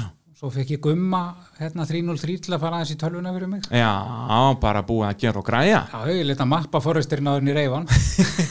Þetta er allt svo öfust nú hjá Byrjar á að spasla í topp sem þú ert að fara að henda og svo rullar inn á eitthvað tjúningvestaði hérna, já ég er með hennan fórestar hérna alltaf alltaf mappan, já frábært ég græja það eitthvað og svo hendur hann um í ruslið Já, Þetta er alveg magnað sko ha, Svona virka motorsportið og svo fór ég í sem sagt ST kassa gamla, eða sem sagt, Já, sem já. sagt fimmgýra með fjóri, fjóri, fjóri hlutöldum Nú já þannig að hafa komin ennþanlegri hlutvöld já, og D2 hérna asfaltralli fjörun já, Akkurat, svo fjörun hefur nefnilega virkað vel í rallycrossinu já, Ég man að menn voru að reyna þetta í rallinu og hún er bara ekki nógu sterk sko Sko ég vil meina að, að sem sagt asfalt rallyfjörun virki betur í rallycrossinu heldur, en- heldur en sko Já, full, sko. full gravelfjörun. algjörlega, þú vilt hafa bílinn í rauninni sett upp fyrir Malbygg Já. eða ekki í rallycross Ég vil meina að þetta vinnist að malbygginu sko. Já, algjörlega, og þú veist, það er ekki það er ástæður, þú veist, þess vegna erum við á slikkum en ekki Já, rallydekkum, já. skilur, þó held ég held að rallydekkin séu nú bönnuð, en, Já. en sem sagt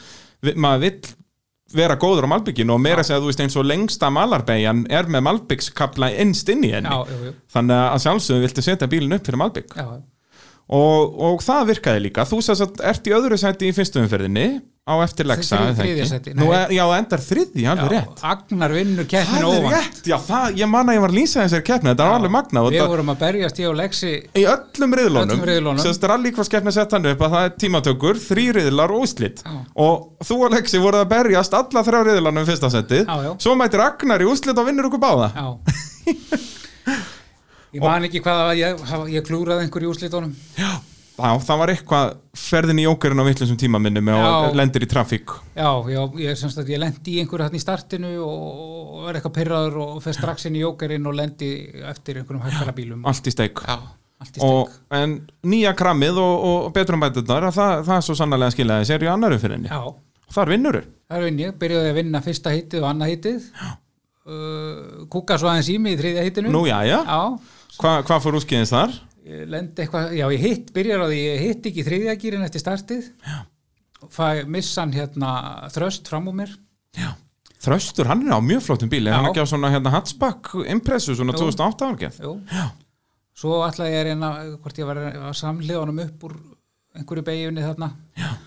Við nuttumst eitthvað saman og ég missi, mig- missi bíl núta hjá mér. Þess Já, og krussa núta og svoleiðis. eitthvað og, og, hérna, og enda aftarlega í því híti, fymtið eitthvað svo leiðis. Hvernig eru reglurna núna? Er þetta ennþá eins og þetta var að tvö, tveir bestu riðlarnir gilda fyrir úslitin eða er þetta allir, sérst hvað ræsir í úslitum? Þú ræsir eftir, eftir tveimur bestur í lónum. Já, þannig að það slapp til að, að, að hérna, aðeins að- að röglast þarna í, í þriðja riðlinum Já, en það er samt, það er, það er blóðut að missa þessi stig til Íslandsmeistar. Já, út af núna er það náttúrulega, hvernig, ef þú útskýrir það aðeins uh, fyrir hlustendum, hvernig virkar rallycrossi núna? Út af núna er fast stig úr riðlunum líka. Já, sko það er bara, þau eru uppsett bara þannig að það eru 20 stig fyrir fyrsta sæti og, og 18 fyrir annað og, og svo kolla kolli niður sko Já. og, og hérna svo farið sko 25 stig fyrir að vinna úslita Úrslitin. Já, þannig að það er aðeins gulrót í úrslitunum, en samt eru nekkit það mikið, það er Nei. ekki eins og þessu eitthvað tvöfalt meira, Nei, nei, eða það er eitthvað, það ekki er bara, bara eitthvað örlítið meira þarna. Þannig að það er ekkit endilega sá sem að kemur fyrstur í marki úrslitunum sem að vinnur, sem, sem fær flest stig til Íslandsmeistar, Nei, en nei. þú vissulega vinnur keppna við að vera að vinna úrslitin. Já. þannig að þó að þú sért sko bara mættir ekki í reyðilana leiku við eða þú verður náttúrulega alltaf að mæti í tvo held ég til að mæti í úslitin en, en semst ef þú ert alltaf í síðasta seti þar en vinnur síðan úslitariðilina þá færðu byggarinn semst fyrir fyrsta setið Vannst keppnina en kannski ekki endilega fyrstur í tegum Íslandsmótinu Nei. það er, uh, það er svolítið svoleiðis en er, ertu þá núna í fyrsta seti í Íslandsmótinu? Nei, ég og Lexi erum jafnir Já það er ekkert annað 143 stig til Íslandsmeistara þannig að það, er, það verður allt á línunni í, í þriðjum ferðinni Já, já, og núna náttúrulega gildir hver keppni og hver riðil svo mikið út að eins og ef við missum út fymtukeppnina, Já, ef já. þetta eru bara fjóra keppnir þá verður maður að, þá eru öll svona mistök eins og við gerum hérna í þriðariðilega hérna það er þau, alveg blóðut sko. þau refsa mikið Já, og ætlar að gera eitthvað breytingar á bílnum heldur fyrir næstu keppni, er hann alveg orðin góður? ég ætla að hafa, sem sagt, hafa hann bara óbreyttan Já, Ég fór á æfingu á honum daginn og, og bætti mig töluvert í tíma. Já. Setti hérna met í, í, í hérna fjórusunum fjórufloknum ok og náði nýri sömu sekundu og allir búin að fara á sínum bíl. Nú, já, það er ekkert annað og allir þó með hvað, 500 hestöfli eða svo Já, já, og þú og non-turbo Subaru já, já. En hvað heldur hann sé í hestöfli með þér? Fyrst að það er eitthvað búið að fara í vélatölvu og eitthvað, er þetta kannski 150 út í hjóli eða eitthvað? Ég veit ekki hvað þetta er hjól, þetta er kannski 180 sögur ás eitthvað slið. Já, ég segi það, hann er út í hjól kannski svona 150-40 Já, örgulega ekki meira en það sko. En, En náttúrulega alveg magnað að keira hann sko. Já, þetta er náttúrulega sko þessi braut Það er ekkert endilega gott að vera með 500 hestabla á þessari braut Nei, Það er nú svolítið þannig bara Þetta er, hún er þröng og, og svona e- engir beinir kaplar þannig séð að einhverju viti nei, nei. Þannig að, en það náttúrulega gera það líka erfiðar að taka fram úr á henni Sko bara að þú ert með vel uppsettan bíl. Já. Léttan, vel uppsettan. Þá þarft ekki öll hestublinni í heiminum að þessar bröð sko. Og maður sér það eins og sérstaklega í eindriðsflokkunum eins og 2000 flokki að meira afl er yfirleitt bara meira vesen sko, það var bara meira spól og vesen Já, turbóbílarnir hafa ekkert verið sérstaklega að gera Nei. neitt rosalega gott sko. Já, sérstaklega turbóbílandar, náttúrulega þá kemur aflið allt á einhvernum bjánulegum stað og þú missir allt upp í spól bara. Já, þannig að- að, að eins og þú segir, lítið afl og, og, og vel uppsettur bílirun og léttur náttúrulega já, það er bara eins og súbarón sko, það er svo rosalega þægilegt bara að geta alltaf sett hann bara í bótt. Já, nákvæmlega, og það bara allt aflið kemur þó að sér kannski ekkert sérstaklega mikið aflið, það kemur allan allt, alltaf Já, og þurfa ekkert að vera að tempra bensíkjöfun út úr beigjum og svona, svo það ert á, á turbóbílunum. Já, já, að að, hérna, þægilegt hvað það var þar Já. eitthvað svona framtíðaplön með bílinn, þú veist langaðir að fara í opnaflokkin á þessum bíl og setja eitthvað alvöru kram í hann Það, ég hef alveg hugsað um það sko. Já, En hérna, það er svo, svo fínt að hafa það bara opiðurinn út að eins og Já, segir, bílinn er ready bílinn er til. það er allt, eh, hann væri all- sest, þú þarft ekki að breyta bodyinu neitt til að fara í opnaflokkin Nei, hann er nei, alveg alveg... driflínan og allt er tilbúin til Ná, þess sko. nákvæmlega, já er það, já það er náttúrulega alveg út að þú ert með ST kassa og allt Já, já. svoleiðin, þú þættir rauninni bara einhverja kraftmikla turbovél, Já, en þú verður nú að byrja nægilega í titilin núna, ég ætla að reyna það. ha, það er þið þá fyrst í Íslandsmeistaratitilin, þú hefur unnið eitthvað byggartitil eða ekki, Byggar, jú, ég hef byggar mestari þarna 2009 minni mig í 2000 slokki. þá á hondunni Já, og, og þannig að það, þú verður nú að nægilega í, í einn Íslandsmeistara líka, þetta gengur ekki lengur maður já, en hann legg sér erfiður. Já, hann er ólsegur Hann Hann, er mjög er segur. hann ekki, óver alla aðeins ræðar en þú, hefur hann ekki unnið í tímatökum í fyrst og annari keppni Já, já. Þannig að þetta er uphill battle en það er náttúrulega, já. þetta snýst ekki bara um að vera hraður þetta snýst líka um racecraft Já, eða já, já, hvað já. maður kallar þetta Ég, ég er nú búin að taka betri tími en hann á breytinni. Nú, ok, ok, þannig að við sjáum hvernig tímatökunar fara núna eftir, eftir tvær Það ykkur verður spennandi að sjá það sko. og þetta er hann er núna vist búin að vera í einhverjum breytingum og, og Já, bætingum. sér, þetta kann ég að meta sko, þegar að slagurinn er, þetta er allt í játnum á brautinu og menn fara þá inn í skúra að reyna að gera eitthvað betur Já, já, þetta verður uh, all in, in við hjá okkur. Nei, nei, svo er náttúrulega, er, má ekki afskrifa eh, þröst og, Og Agnar og þessa þessa kalla. stráka. Já, já. Agnar á bara eftir að vera hraðar og hraðar, sko. hann er bara að læra á hana bíl, sko. Algjörlega, og hann náttúrulega kom bara ef var hann ekki að koma á núna fyrst sest hann er á galandinum Já. og, og var að koma á núna í fyrsta skipti núna í sumar eða ekki, Jú, jú, þannig að það er eins og við segir, hann mun bæta sig jæmt á þétt þó hann endaði nú á að vinna fyrstu kemna Já, já. en hérna, En það, ég meina, svo, svo er þessi, eh, þessi strákar sem eru þarna, þeir eru eftir að verða allir hraðari, já, sko. já, algjörlega, algjörlega Og svo eins og þú segir, nú er líka bara, er þetta þannig að það má ekkit klikka. Já, og líka það, út af við erum að segja að þeir eru svo margir efnilegir þarna að um leið og þú bara ferð aðeins vittlust í eina beigju að þá eru tveir bílar komni fram úr Já, líka bara það bílar hjá þér og missir út þrjú hýtt, þá er það bara Ánægt. búið. Já, ég þá þá þetta engan sens á titli Ég er að segja það. Það er líka beautyið við þessa uh, nýju reglur, Er- kom þetta ekki inn bara fyrir tveimur árum? Nei, eða? nei, núna. Bara núna, já, þetta Stigareglum, er alveg nýtt Þetta já. er fyrsta, fyrsta móti sem við kerum eftir þessum stigareglum. Sem er náttúrulega algjör snilt út af eins og það segir að- að að ef það kemur upp eitthvað bileri og þú missir af, já, þó þó að það væri ekki nema bara eitt hít að missa 20 stig, það er ansi blóðugt Það er mjög blóðut, sko. þannig að, að og það gerir þetta bara meira gaman Já, já. og, og þannig að það má búast við miklum, miklum slag milli ykkar tvekja er þetta ekki núna bara helgin eftir Vestlunamahelgi Jú, jú. sem að Já, ég ætla nú, ég veit nú skulum ekki afskrifa hinn á Nei, nei, nei, nei, nei, nei, nei, sko. nei, nei, alls ekki, alls ekki Það er En- hættulegt, sko. I, ykkur, ykkar allra bara í, í fórvildara Já, flokkum já, þetta er, já, já, það er hörku bara átt í þessum flokki. Já. Og það hefur bara sínt sig, sko. Og sér það í fyrstu keppninni að, að hérna, við vinnum allir sikkur títið, sko. Já, er það svo leiðis? Já, mér minnir það. Ég held að ég hef unnið eitt, legsi eitt, hvort að Agnar vann úrslita heitið. já, Agnar vinnur úsleita þetta, ég held að Lexi ná að vinna tvö hít Það gæti verið, já. En þið eru þrýr mismunandi eins og Já, segir já. Þrýr mismunandi sigurvegarar að- að, hérna, sem segir hvernig slagurinn er orðin hann Já, já. það er svolítið svoleiðis uh, eftir örtutlega þá skulum við tala eins um já, hvernig svona uppbyggingin hefur verið í rallycrossinu núna út að rallycrossi er í, í bullandi blóma Já. en það ekki Jú, já, skulum fara eins yfir þetta og, og svona úlingastarfið og, og hvað er í, í gangi hérna í- hjá klubnum já, Það er mótorvarpið sem þið eru að hlusta á hér á Sport FM 102.5 og þættirnir er sjálfsögum alltaf aðgengilegir sem podcast eh, já, bara setni partin á miðugudugum þegar að eh, þættinum líkur hér á Sport FM. Ólaf Tryggvason er, er gestur minn í dag og eh, við erum að tala um rallycross.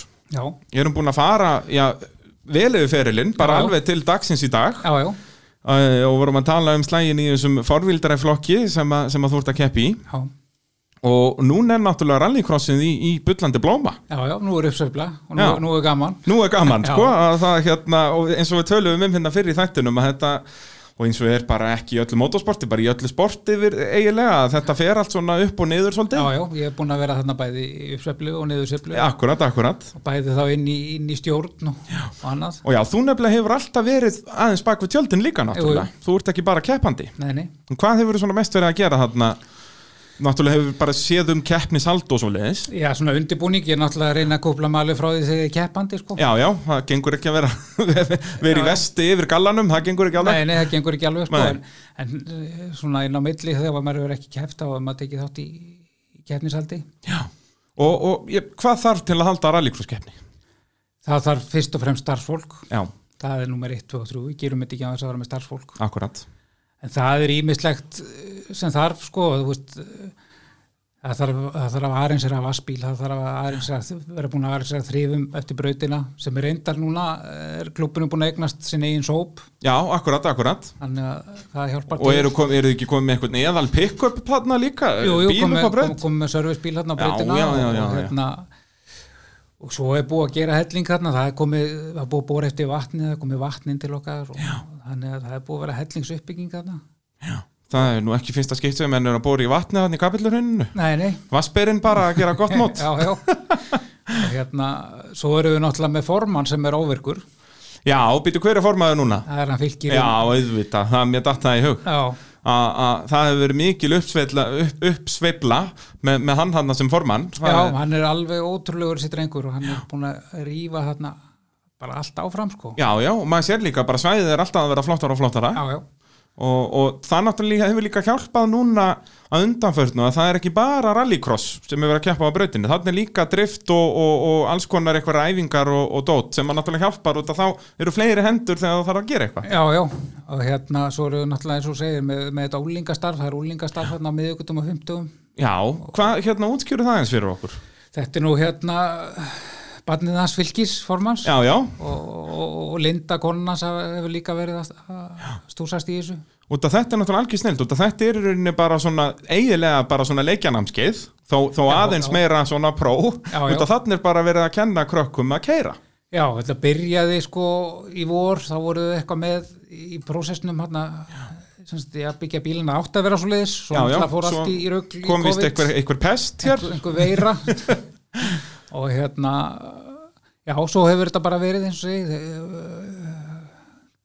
sem sagt keppnis, eða sem sagt kersluæfingar upp á braut ja, og er þetta, hvað segir, alla, hvað, þriðudag og miðgudag? meðugudag og fymta Miðgudag og fymtudag? já, Og, og þarna eru alveg þó nokkur rúlingar, já, já, og, og hvað, þú verður að vera 15-17 ára, já á 15. ári á 15 ári, Já. já, máttu vera 14?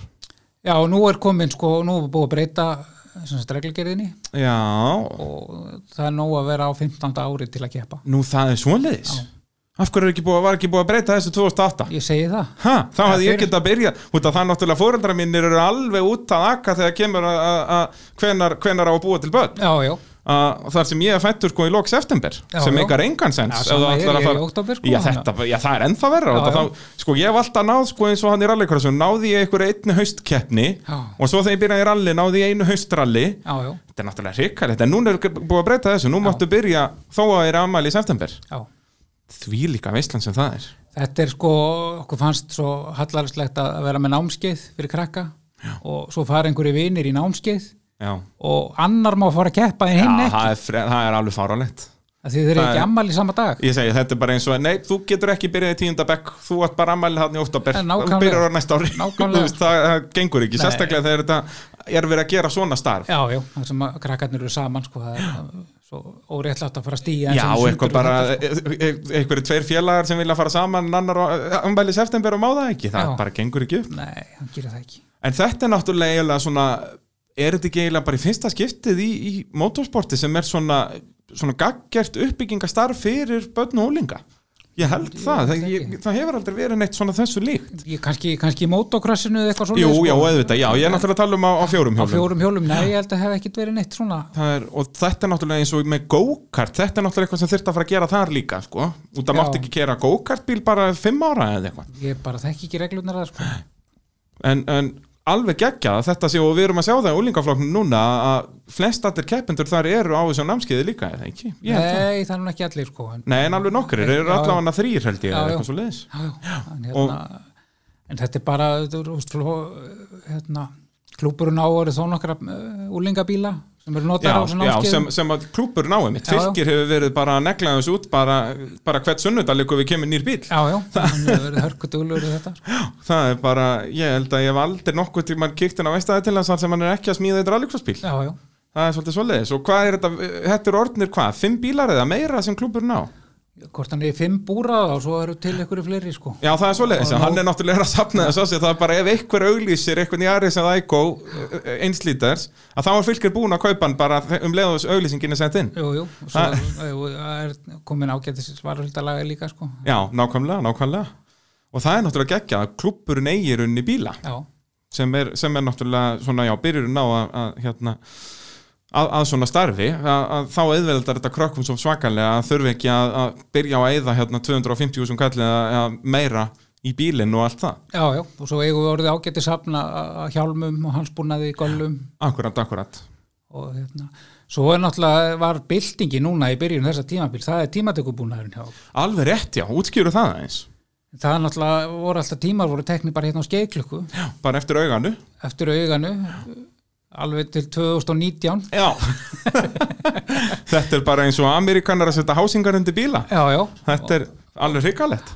og við hérna fengum tækifæri til að kaupa hennar búnað í, í vetur já. og þetta er búin að vera alveg bara þvílík bylting sko, það er bara það er- tí, tímatöku kuppur í hverjum bíl og, Og og þetta bara mæla tekin þetta upp tími alveg upp að- upp á 100.000 sekundur sko. Já, alveg bara akkurat, akkurat og, og hvernig virkar þetta? Það er sérst kuppar í bílunum Já. og er svo sérst bara vír undir brautinni í rauninni sem mælir Já, sem les, já, les kuppin og, og, og líka það skemmtilega við að þetta broadcastast live inn á netið í rauntíma, þannig að Já. þú getur verið með appið í pittinum og fylgjast með anstæðingunum í tímatökum og, og í keppninu náttúrulega, Já, þú og- sér bara heyrði á þessi komið úr áslinu, þessi, þessi, þessi þú veist, þá kemur þetta allt í einni bunni hann bara Já, já, og áhörfundur geta hort á þetta og, og veist, þetta er bara, þetta er algjör snild sko, þetta er bara svona game changer Já, já, akkurat, þetta er akkurat svona svo þegar að jókurinn kom að, Já. að fá þetta inn í og náttúrulega eitthvað sem að hefði þurft fyrir mörgum árum Já, síðan í já, rauninni, já, sko, að já, þetta er, eins og ég segir, að fá þetta fyrst árið 2020 er, er, er pínu skrítið En þar komum við líka inn á það sko, og þessa hæ- hæ- sko, þessar lægðir og, og þessa hæð sem er núna. Já, já. Nú eru margi keppendur og, og það hefur verið að koma tóldi áhörundum og það Já, hefur komið alveg, kannski inn aðeins mjög. meira peningum heldur en hefur gert. Já, já, Og við erum, ekki, við erum ekki að safna peningum í klubnum. nei, nei, þetta er bara non-profit dæmi, Já. að það er, ef, það, ef það er til peningur þá er honum eitt í eitthvað til að byggja upp til að sportið byggja upp sportið, já. og það hefur heldur betur sínt sér núna upp á síkastið, hvað við erum búin að græja okkur vel Algjörlega, og þe- talandi um þetta það var alveg frábært að sjá hvað eru margir áhærendur núna á keppnum já, og það náttúrulega kemur líka með náttúrulega fleiri keppendum Já. og þá er þetta sko þó að það séu kannski bara tveir áhærendur með hverjum keppanda já, já, að þá ertu strax komið með þarna einhverja já, 60-70 áhærendur ef það er svona mæting já, já. og, og, svo, þú veist, allir trekkir Æ, af og- algjörlega svo eins og síðustu keppni fengu við, við hann hérna gæja, Gæja, snappara til já, að já. koma og það getur vel verið verið með einhverja fleiri svona uppákomur til að Já, til að- algjörlega, sko, núna er ég á fullu að reyna að trekkja hann Pétur Jóhann Sigfússon til að keppa í rallycrossi. já, Nú er ég að vinna með honum og, og hérna, og hann er mjög spenntur já, Hann náttúrulega fór þarna að keppi í bandaríkjónum Já, eh, já. í PJ Carsjó á stöð 2 í Lemons, Lemons. í Lemons Já. og, hérna, og er mjög spenntur þannig að við þurftum, eins og ég segi, klúppur nánu einhverja bíla, það er ekki hægt að leia Pétur eitt bíl við getum græja það er það ekki? Jú, jú. Láta hann mæta í rednekkin eða eitthvað? Jú, jú, við verðum að græja þetta baku tjöldin þegar þátturinn er búinn Ég held það ekki, við förum hérna inn í eitthvað herbergi og reddum þessu Já, já. Það er svolítið svoleiðis og það hérna, hann komst nú ekki núna í keppnina núna Nei. næstu keppni en, en hérna við græjum þetta Já, já, það er ekki og um að gera einmitt að gera einhverja svona uppákomur og að laða fólk að Já, já, svo hefur náttúrulega fengið sko eins og hann Birgir hérna sem er að keppa í 2000-loknum Já, akkurat, Birgir Kristjáns Birgir Er það KFC ekki- Já, já, Birgir KFC Er það ekki millinafnið hans? Ég Já, hérna. held já, það. held það. Hann hefur verið duglegur að- að að styrkja okkur og gera og við gerum Já, ein- ó, ég man, ég ég var þulur á fyrstu keppninu og fekk eðal pizza hött pítsur Já, já. fyrir að vera starfsmæður þarna og vangi og ég, ó, þetta var indislegt Já, þetta hjálpar svo mikið þegar það Algjörlega. er svona menn inn og, og hann hefur eins og úst, við letum gera í samvinnu við þá plaggut fyrir síðustu keppni og, og það var líka bara, þú gast ekki færið í sjoppun einstæðar að þess að sjá að það var allikors um helgina nei, nei, þetta er bara eins og þetta var í gamla dag. Já, já, þá var þetta reyndar sko mjög oft bara svona skilti á ringtorkum Jú, sko, jú. en svo líka alltaf eins og þú segir, sjoppunar að að vera með plakkuð þar Já, já, og þetta gerir líka bara svo mikið að að fólk, þú veist, út að fólk er ekkert endilega inn á einhverju sko rallycross áhugað menn Facebook síðu skiluru þetta er Nei, bara til að svo- ná í svona hinn almenna borgana Svo er þetta líka dálítið, sko, við höfum verið að reyna að dreifa þessu á netinu og eitthvað, þetta, þetta virðist bara rærast í ringi í þessum bílageira, sko, Já, já. þetta fer ekki... Þetta fer aldrei ekki- út fyrir einhvern Nei. veginn, við náum ekki yfir hennan vekk þarna til svona, út að það er fullt af fólki sem hefur áhuga á að mæta rallycross Já, já, veit ekki hvenar keppnir eru og annað, og fólk, fólk veit ekki að, að dagatalin og agís og... Já, Akkurat og, og þetta hefur gengið svona líka príðisvel já, já. og hvað er það sem gerir nú rallycross svona skemmtilegt? Af hverju er þetta að keppa í þessu en af hverju er þetta ekki bara í golfi? Sko ég, ég segi nú bara eins og Palli saði í síðasta þetta, þetta er, þetta er líklegast að skemmtilega sem fullorðu kallmaður getur gert hérna, fullklættur. Fullklættur, Já. akkurat, jú Það er, eh, það er góða punktur Það er sko, það sem ég finnst skemmtilegast, það er aksjónið í brautinni, að því að þú ert með bíla við hliðina á þér og allt hávaðin og lætin og þetta er bara, það er stanslust aksjón í þessar, hvað er, fimm mínútur eða eitthvað í einu Já. og þetta er bara, úst, þetta er, stundum er þetta bara þannig að maður gleymir að anda, maður fattar að það maður er að koma, það er búið að flagga mann út, maður er rennandi sveittur sko Já. og það bara... og, og þetta er náttúrulega líka út að þetta er kappakstur Já. a- a- sem er bæði á Malbygg og Möðal Já. þannig að það er þú ert slætandi og gerandi og græja en samt snýst þetta bara um að vinna þennan bíl sem er hann við hliðin á þér, þetta er Já, já. ekki eitthvað þú ert ekki á, á einhverju rallyleið út, út í raskatu og sérð aldrei neina keppinauta eða einn í torfærubrekku eitthvað staðar Þetta byrjar í rauninni í kvartmílu sko, á- Já, á ljósunum sko. nákvæmlega Það þarf að negla ljósin og reyna að vera fyrstur í fyrstu beig Þar, þetta snýst um að hafa gott start, það er eh, alveg rétt, að- þar kemur kvartmílufaktorin inn í þetta, Já, já. svo kemur rallyfaktorin inn í þetta á mölinni, Já, já, þannig að þetta er svona blanda af öllu og svo Já. náttúrulega bara kappakstur á Malbygginu já, já, og, og það er eins og ég segi, það er það sem ég finnst mest áhugavert við þetta, hvað þetta svona blandar mörgum hlutum saman og, og svo er líka náttúrulega sjá allan þessa flóru af bílum, að sjá, þú veist eins og það er ekkert áhugavert að horfa bara á einn Jaris keira þessa brauð, Nei, nei. en um leið og er orðin 12 já, þá er þetta orðið skemmtilegt Já. sko. En það er, svo er það bara líka félagskapurinn sko. já, svo er það, Það er í já, já gegnum árin sko, ég er náttúrulega um, alveg óteljandi vini og Já. sem að maður hefur kynst í gegnum þetta sko. Svo er konan, hún er í þessu líka hún er hann gælgir í AIH og, akkurat, þannig að og yngstistrákurinn er í sjoppunni og ég fer ekki að styttast því að hann getur fyrir að keppa það eru þrjú árið aðeins þá nú, það er svona, Já, hann er 11 ára sko. us bara, já, samt þrjú eru nú ekki lengi að líða Nei, nei, 2017 var bara í fyrradag já, ég segi það Það hafa örgulegt að smíða 5-6 rallycross bíla ára en hann fer Já, já, blessaða vertu, blessaða vertu Og hérna En ef við myndum fara svona yfir Ef eitthvað er nú að hlusta ekki. já, Og langar að fara að keppi í rallycrossi já, Hvernig á hann að gera það? sko Sk- Ég hef alltaf sagt að það er best fyrir það að byrja að koma að vera starfsmæður hjá okkur Já, ég er mjög sammála því Fá svona eh, aðeins tilfinninguna fyrir því út af hvað það gengur og læra hennar Vera í reglum, innsta hring þarna Vera í alveg. innsta ring Og náttúrulega fara að sjá, þú veist, út að þá ert að mæta á keppendafundi og starfsmannafundi og allt Þú Já. lærir svona aðeins reglurnar og hvernig það virkar Já og já og, og í framhaldinu bara ráðfaraði við strákan í pittunum eða eitthvað og, og, og hérna koma svo og kannski ekki ætla að sigra heiminn í fyrstu kefni, Nei. maður er búin að sjá það svo oft já. að koma hérna mennin sem ætla að sigra heiminn og, og svo fyrir allt í, í skrúfuna og svo koma þér ekki aftur já, Já Eins og þú gerir í kvartmílinni eins og ég gerði í kvartmílinni nákvæmlega Nákvæmlega, þannig að þú hefur prófað þetta frá öllum hliðum já, já, já, já, meina, húst, við höfum allir verið ungir og vitlaus Ég segi bara það, svoleiðis, sko. það er nákvæmlega þannig það er bara svo Og, Nú er ég bara gamall og vitlega. Já, nú og, og en er ekki, liggur ekki beinast eða byrja í þessum þúsundflokki hann er algjör snild Jú, hann er svona dóldi entry level flokkur. Já. Og sem sagt, þú þarft ekki að móka einhverjum peningum.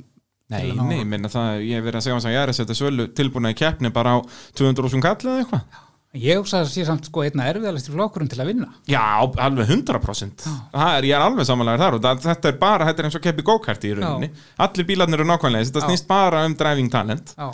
og náttúrulega að hafa bílinn 100% í lægi þú veist, Já, um já. leið og bílinn er eitthvað aðeins villust hjólastiltur eða eitthvað, Já. eða þú veist eitthvað pústið ekki rétt eða hvað það er og þú missir, þú veist, tvö hestöfl að þá er það náttúrulega bara komin þarna 10% aflinu farið Já, sko. já. þannig að þetta verður að vera allt alveg upp á 10 Já, og sko. já. þú þarft að vera langbesti ökumaðurinn til þess að vinna Já, já. þannig að ég er alveg samanlegaður þarna að þetta er, þetta er langa erfæðistu flokkurinn að að vinna ég menna þú getur mætt í, í eins og bara forvildarflokkin eða þú mættir á bara eins og bíl eins og þínum sem Já, já. er bara svona eiginlega besti bílinn þarna og jafnvel ef þú væri búin að tjúna hann meira og eða meiri pening í hann já, já, og ef þú kynir ekkert að keira þú væri samt þarna alveg í kannski svona þriðja fjórða seti já, já, og síðan myndur þú læra að keira á nokkrum keppnum og væri að vinna já, já. en þarna í, í þúsundflokknum þá er þetta þú veist ef eitthvað bjátar á að þá er þú bara dottinu í sko. áttundasetti Já, já, það er bara svo lis þannig að, að þá kemur líka þetta að ekki ætlast til að segra heiminn um leið og meðir Já, já, og núna eru byrjað, þú- eins og þú veist að tala um áðan að þú hefur verið að mæta á æfingar að ná góðum tímum þar að nú er sem sagt komið að þú getur verið á æfingum líka já, sko, við getum, sko, þetta við strandaði dóltið á því að, að það var svo dýrt að láta þrýfa breytina eftir æfingar. og er það þá sem sagt að þrýfa mölina af malbygginu Já. sem sagt að er rauninni sópa Já, bara Já. þetta var bara þannig að við þurftum að, að hérna, fá bíl uppbyttir og, og borga fyrir það fullt af peningum. Akkurat, sem náttúrulega meika engan sens bara fyrir ykkur æfingu Nei, þú veist, þá þurftum við að rukka 5-10 skall á æfingu eða Já. hvað sem það var, sko, sem er dóltið mikill peningur fyrir æfingu. Já, og þá náttúrulega mun enginn mæta eða Já. mjög fáir Og hérna, en núna er náttúrulega, erum við konum með hennar sóp og þetta getum þrýfið breytina sjálfur. Já, og þannig að við höfum gert það sem sagt eftir keppnir sem sagt uh, þegar brautin er þú veist, orðin grafin og Ég svona segi þá það. höfum við leift æfingar og þá getum við sópa brautina bara á, þá þarf bara að sópa hann einu sinni Já, í rauninni já. þó að það sé búið að vera keppni og æfing já þannig að það hugsa verði það yfirleitt sko mánudaga eftir keppnir verða æfingar sko. já. þetta er ekki strax á sunnundegi skilur en þetta er alltaf, já, keppnir mannundegi er yfirleitt á sunnudegi sko Já, ég segi það, þetta er ekki á sunnundaskvöldi Nei, Það er nei, nei. alveg leift fólk að fara heim eftir keppni bara að Já, slaka á, já, já. fara í pottin Og já, það já, er já, svo náttúrulega eh, höfum við alveg tækifæri á því að gera eitthvað meira af þessu sko Já. En hefur þetta verið reglulega núna á mánudum? Nei, við höfum verið eins og ég, við vorum með þetta eftir keppnina núna senast á mánudeginum sko já. Já, það er náttúrulega, já, í þriði rauninni degi maður ekki en, en hérna, En á- á reyna að halda því í sumar að hafa þetta á mánudegi eftir keppnum já, ég hugsa það kannski eitthvað meira það er bara geggjað og þá náttúrulega eins og sérstaklega fyrir nýlega að fá að æfa sig að keira án þess að séu 14 bílar að keira í hliðin á þér já, endilega bara ef það var áhuga að koma og kannski væl út að fá að prófa hjá einhverjum eða eitthvað já, eða bara Þannig- sitja í ef eitthvað er með farþeðastól Já, sem eru nú þannig- kannski ekki margir ég datt inn í þetta svoleiði sko já, nákvæmlega, eins og vorum að tala um hindi byrjum þáttar já, Kitty lefði þér að keira nokkar hringi og, og hér er þú í dag já, já, þetta er það eru fleiri svona kvartvísir að núti sko sem var þetta nappi í þetta sport sko algjörlega og, og hérna þetta er náttúrulega og, og svona stemmingin í þessu er alveg þannig að það er ábygglega alveg fullt af fólki sem myndur leiði ykkur um að, að prófa bílinn já, já, er það ekki? jú, jú sérstaklega kannski þess að þúsund bíla þar Já, sem já. þú ert nú ekki að fara að skemma mörg hundru þúsund krónar mótor eða eitthvað já, já, þá já, erum við að já, gera það er fullt af flottu fólki hérna sem er tilbúin að gera allt til að fá fle- fleiri nýliðin sko akkurat, akkurat og, og eins og við segjum að þetta byrjar alltaf að, að vera starfsmæður já, ég myndi segja það, já, og, og kannski fyrir það myndi þetta byrja að skottast inn á Facebook og farin í rallycross áhuga menn grúpuna þar já, og, og þá er hérna, og sést dagataliðin á akis.is og, og já, við höfum líka verið með hérna rallycross deild E AIH með Facebook síðu akkurat, akkurat og, og þá er svona hægt að sjá, sjá hvenar keppnir eru og þá er hægt að senda sig í samband við móthalda- móthaldara út að okkur vantar alltaf starfsfólk Já, já. og já, já, við auðlusum líka vilt eftir starfsfólki. akkurat, akkurat og þá er hægt að veifa ykkur og flaggja þarna það, þú sem starfsmæður er, ert nær brautinni heldur en áhorfandi og, og þú borgar þið ekki inn en í staðin færðu frían hátegismat Já. þannig að þetta er bara al, alveg kjörið Já, já, bestu staðin í brautinu og háttegismatur. já, og kemst eins og við segjum minni innsta hring þarna Já, já, þannig að, að þetta, er, þetta er eina vitið já, uh, taland um þetta sem við höfum minnst á svo nokkur sem við þættinum að það er náttúrulega við höfum bara þessa einu braut já, sem að við stundum jú vissulega kerum í öfuga átt og eitthvað svoleiðis til að Já, breyta já. eitthvað aðeins til Sest, gætu við reynd að gera eitthvað aftur þú veist eins og ég man að við vorum upp á Patterson flugvelli já, IFS hjælt keppni þar já, og ég held að það sé til dælu auðvelt að fá leiði þar já. en þú veist, er eitthvað viti að reyna að halda keppni þar þetta er náttúrulega svolítið gróft þarna og já. eitthvað. Sko, ég held ekki, fólk áttir samt ekki að því hvað við eigum ógislega góða braut. Já, þetta er geggjöð það, það er rallycrossbraut nefnilega, hérna- hún er nefnilega helviti góð. Já, Mjög vel hefnu braut Og það er dóttið erfitt að bera það sama við að fara síðan í einhverja til, heimatilbúna svona Já, braut. bara einhverja keilubraut eitthvað Já. staðar, sko. En þú veist, langar okkur það samt ekki bara upp á fjölbreytnina Þú Jú, veist, að hafa jú. kannski einu sinn einhverja Ein, keilubraut einu sinna á, á hverju tímabili eitthvað, jú, jú, það væri gaman, það er gaman að því, sko, öll, öll tilbreyting er, er góð, sko. En þá náttúrulega þarf alltaf bara að taka þetta skref það, út af það er náttúrulega sérstaklega að vera, það er nú þægilegast að við móthaldi núna er að við höfum þessa braut alltaf við höfum hann alltaf klára að að það gerir hérna, allan undirbúningi mikið mikið erfiðar að byrja á því að búa til braut sko. já, þannig að- að það verður alltaf vesend já, og en þú veist eins og núna er væri hægt að reyna að gera eitthvað bæði eins og á kvartmjölubrautin eða BA á Akureyri, það er náttúrulega allt bara malbyggi í rauninni ég hef nú heyrt að einhvern tíman að BA menn hafi þetta einhvers staðar bak við eira að það búið allir rallycrossbraut sko. já, og það er, væri mjög spennandi sko. það var ekki ekki að sko að vera bara eitthvað hann á malbygginu og hoppa síðan bara aðeins út af því á svona möl og Já, ég meina að rallycrossbrautir, flesta rallycrossbrautir heimi eru bara á kappatisbrautum þar sem eru búinir til malar stöpar á milli sko. ég segi það, þú veist eins og bara spa hérna Já, já. fræg Formule 1 braut að Já, það já. er kemst í rallykuna sig á sumri Já, já, Þannig að, og Silveston og fleiri brautir að það er, það er, þetta er allt marg notað já, já, það eru kannski ekki nema litin hill eða eitthvað svona sem eru búna til sko sem rallycrossbrautir sér rallycrossbrautin breytin er náttúrulega svo mikið í motorsportinu að það er allar, allar flórar af brautum Já, og, og alveg margar sem sagt, sér rallycrossbrautir þar Já, já. Í, í, en við erum ekki alveg svo rík nei, en samt það ríka eiga eina mjög góða rallycrossbraut en það náttúrulega kannski vantar ég, mér finnst svona helsti gallin við þessa braut er að, að sem sagt, það er erfitt að taka fram úr það Já, er unni já, já. ókerinn er svona aðaltækifæri þar að taka Aðaltækifæri, fram úr já, já. en það vantar sko þessa löngu beina kapla og sem sagt, stór bremsusvæði til þess að, að gefa færi á alvöru framúrakstri já En svo er annað, þú veist, þurfum að tala um til það já, að nú, þeir fóru með þetta til bandaríkjana þeir ætluðu að sprengja rallycross upp í bandaríkjanum akkurat þá fóru með þetta á svo of langar og já, breiðabrautir ég man Að eftir því. það bara slitnaði sundur og þetta var ekki spennandi Já, já, ég man eftir því, þá voru þeir einmitt sko, það var indar geggjöð einn brautin sem þeir voru á, út að þetta var mjög oft á sem sagt NASCAR brautum Já, og einhvern tímann bjugg- sem sagt, gerðu þeir úr timbri og stáli svona uppeyju yfir pittveggin já, þannig þeir keirðu yfir pittveggin og þá var þetta skilur og það var geðað þröngt Já. og svo voru þeir að keira inn í pittunum og á s- breiðu brautinni og þá eins og þú segir, þá voru þetta þú veist, fimm bílar í hverju híti og það var bara, þú veist, mínúta á milli fyrsta og síðasta bíls já, þannig að það má verið líka að passa sig að fara ekki oflá já, þetta þarf að vera alltaf jafnvægi í þessu, svo þetta sé spennandi og, og þetta er nú ennþá eitthvað ég held hvað þeir náttúrulega sjálfsög út Amerikanin er Amerikani og þá að sjálfsögðu kölluður þetta Global Rallycross Championship Já, já. út af því að heimurinn er bara bandaríkin Já, sko, já, það þú- er ekkert fór ég að búa til sjó til að láta láta það stökkva og já, gera já, eitthvað til að byggu selja. til svaka eitthvað játna rampa þarna sem að endaði nú ekkert sérstaklega vel nei, nei, fyrir, eh, já það var bæði hérna Markus Grönholm, rallukumæður sem að, og annar finni sem að sest, stökk í galvinu og langt Já, og já. bombaði bara með framöndan hinn um einn og þá fóru þeir að læra að hafa drullu undir þessu sko, já, þannig að þú voru maður að myndi ke- ekki þú voru að keira undir rampana sko Já, já, en um leið og þérst að keira undir þetta þá getur eitthvað sem er að stökkva yfir ekki drifið alveg og bombað bara framan á lendingarampin já, já, og, en núna er þetta, sérst, er Global Rallycrossið líka eitthvað aðeins byrjað að fara út í heim þeir hafa átt að sjá því að það eru fleiri lönd þarna heldur um bandaríkin já, En svo náttúrulega er, núna er náttúrulega komið World Rallycross Championship sem að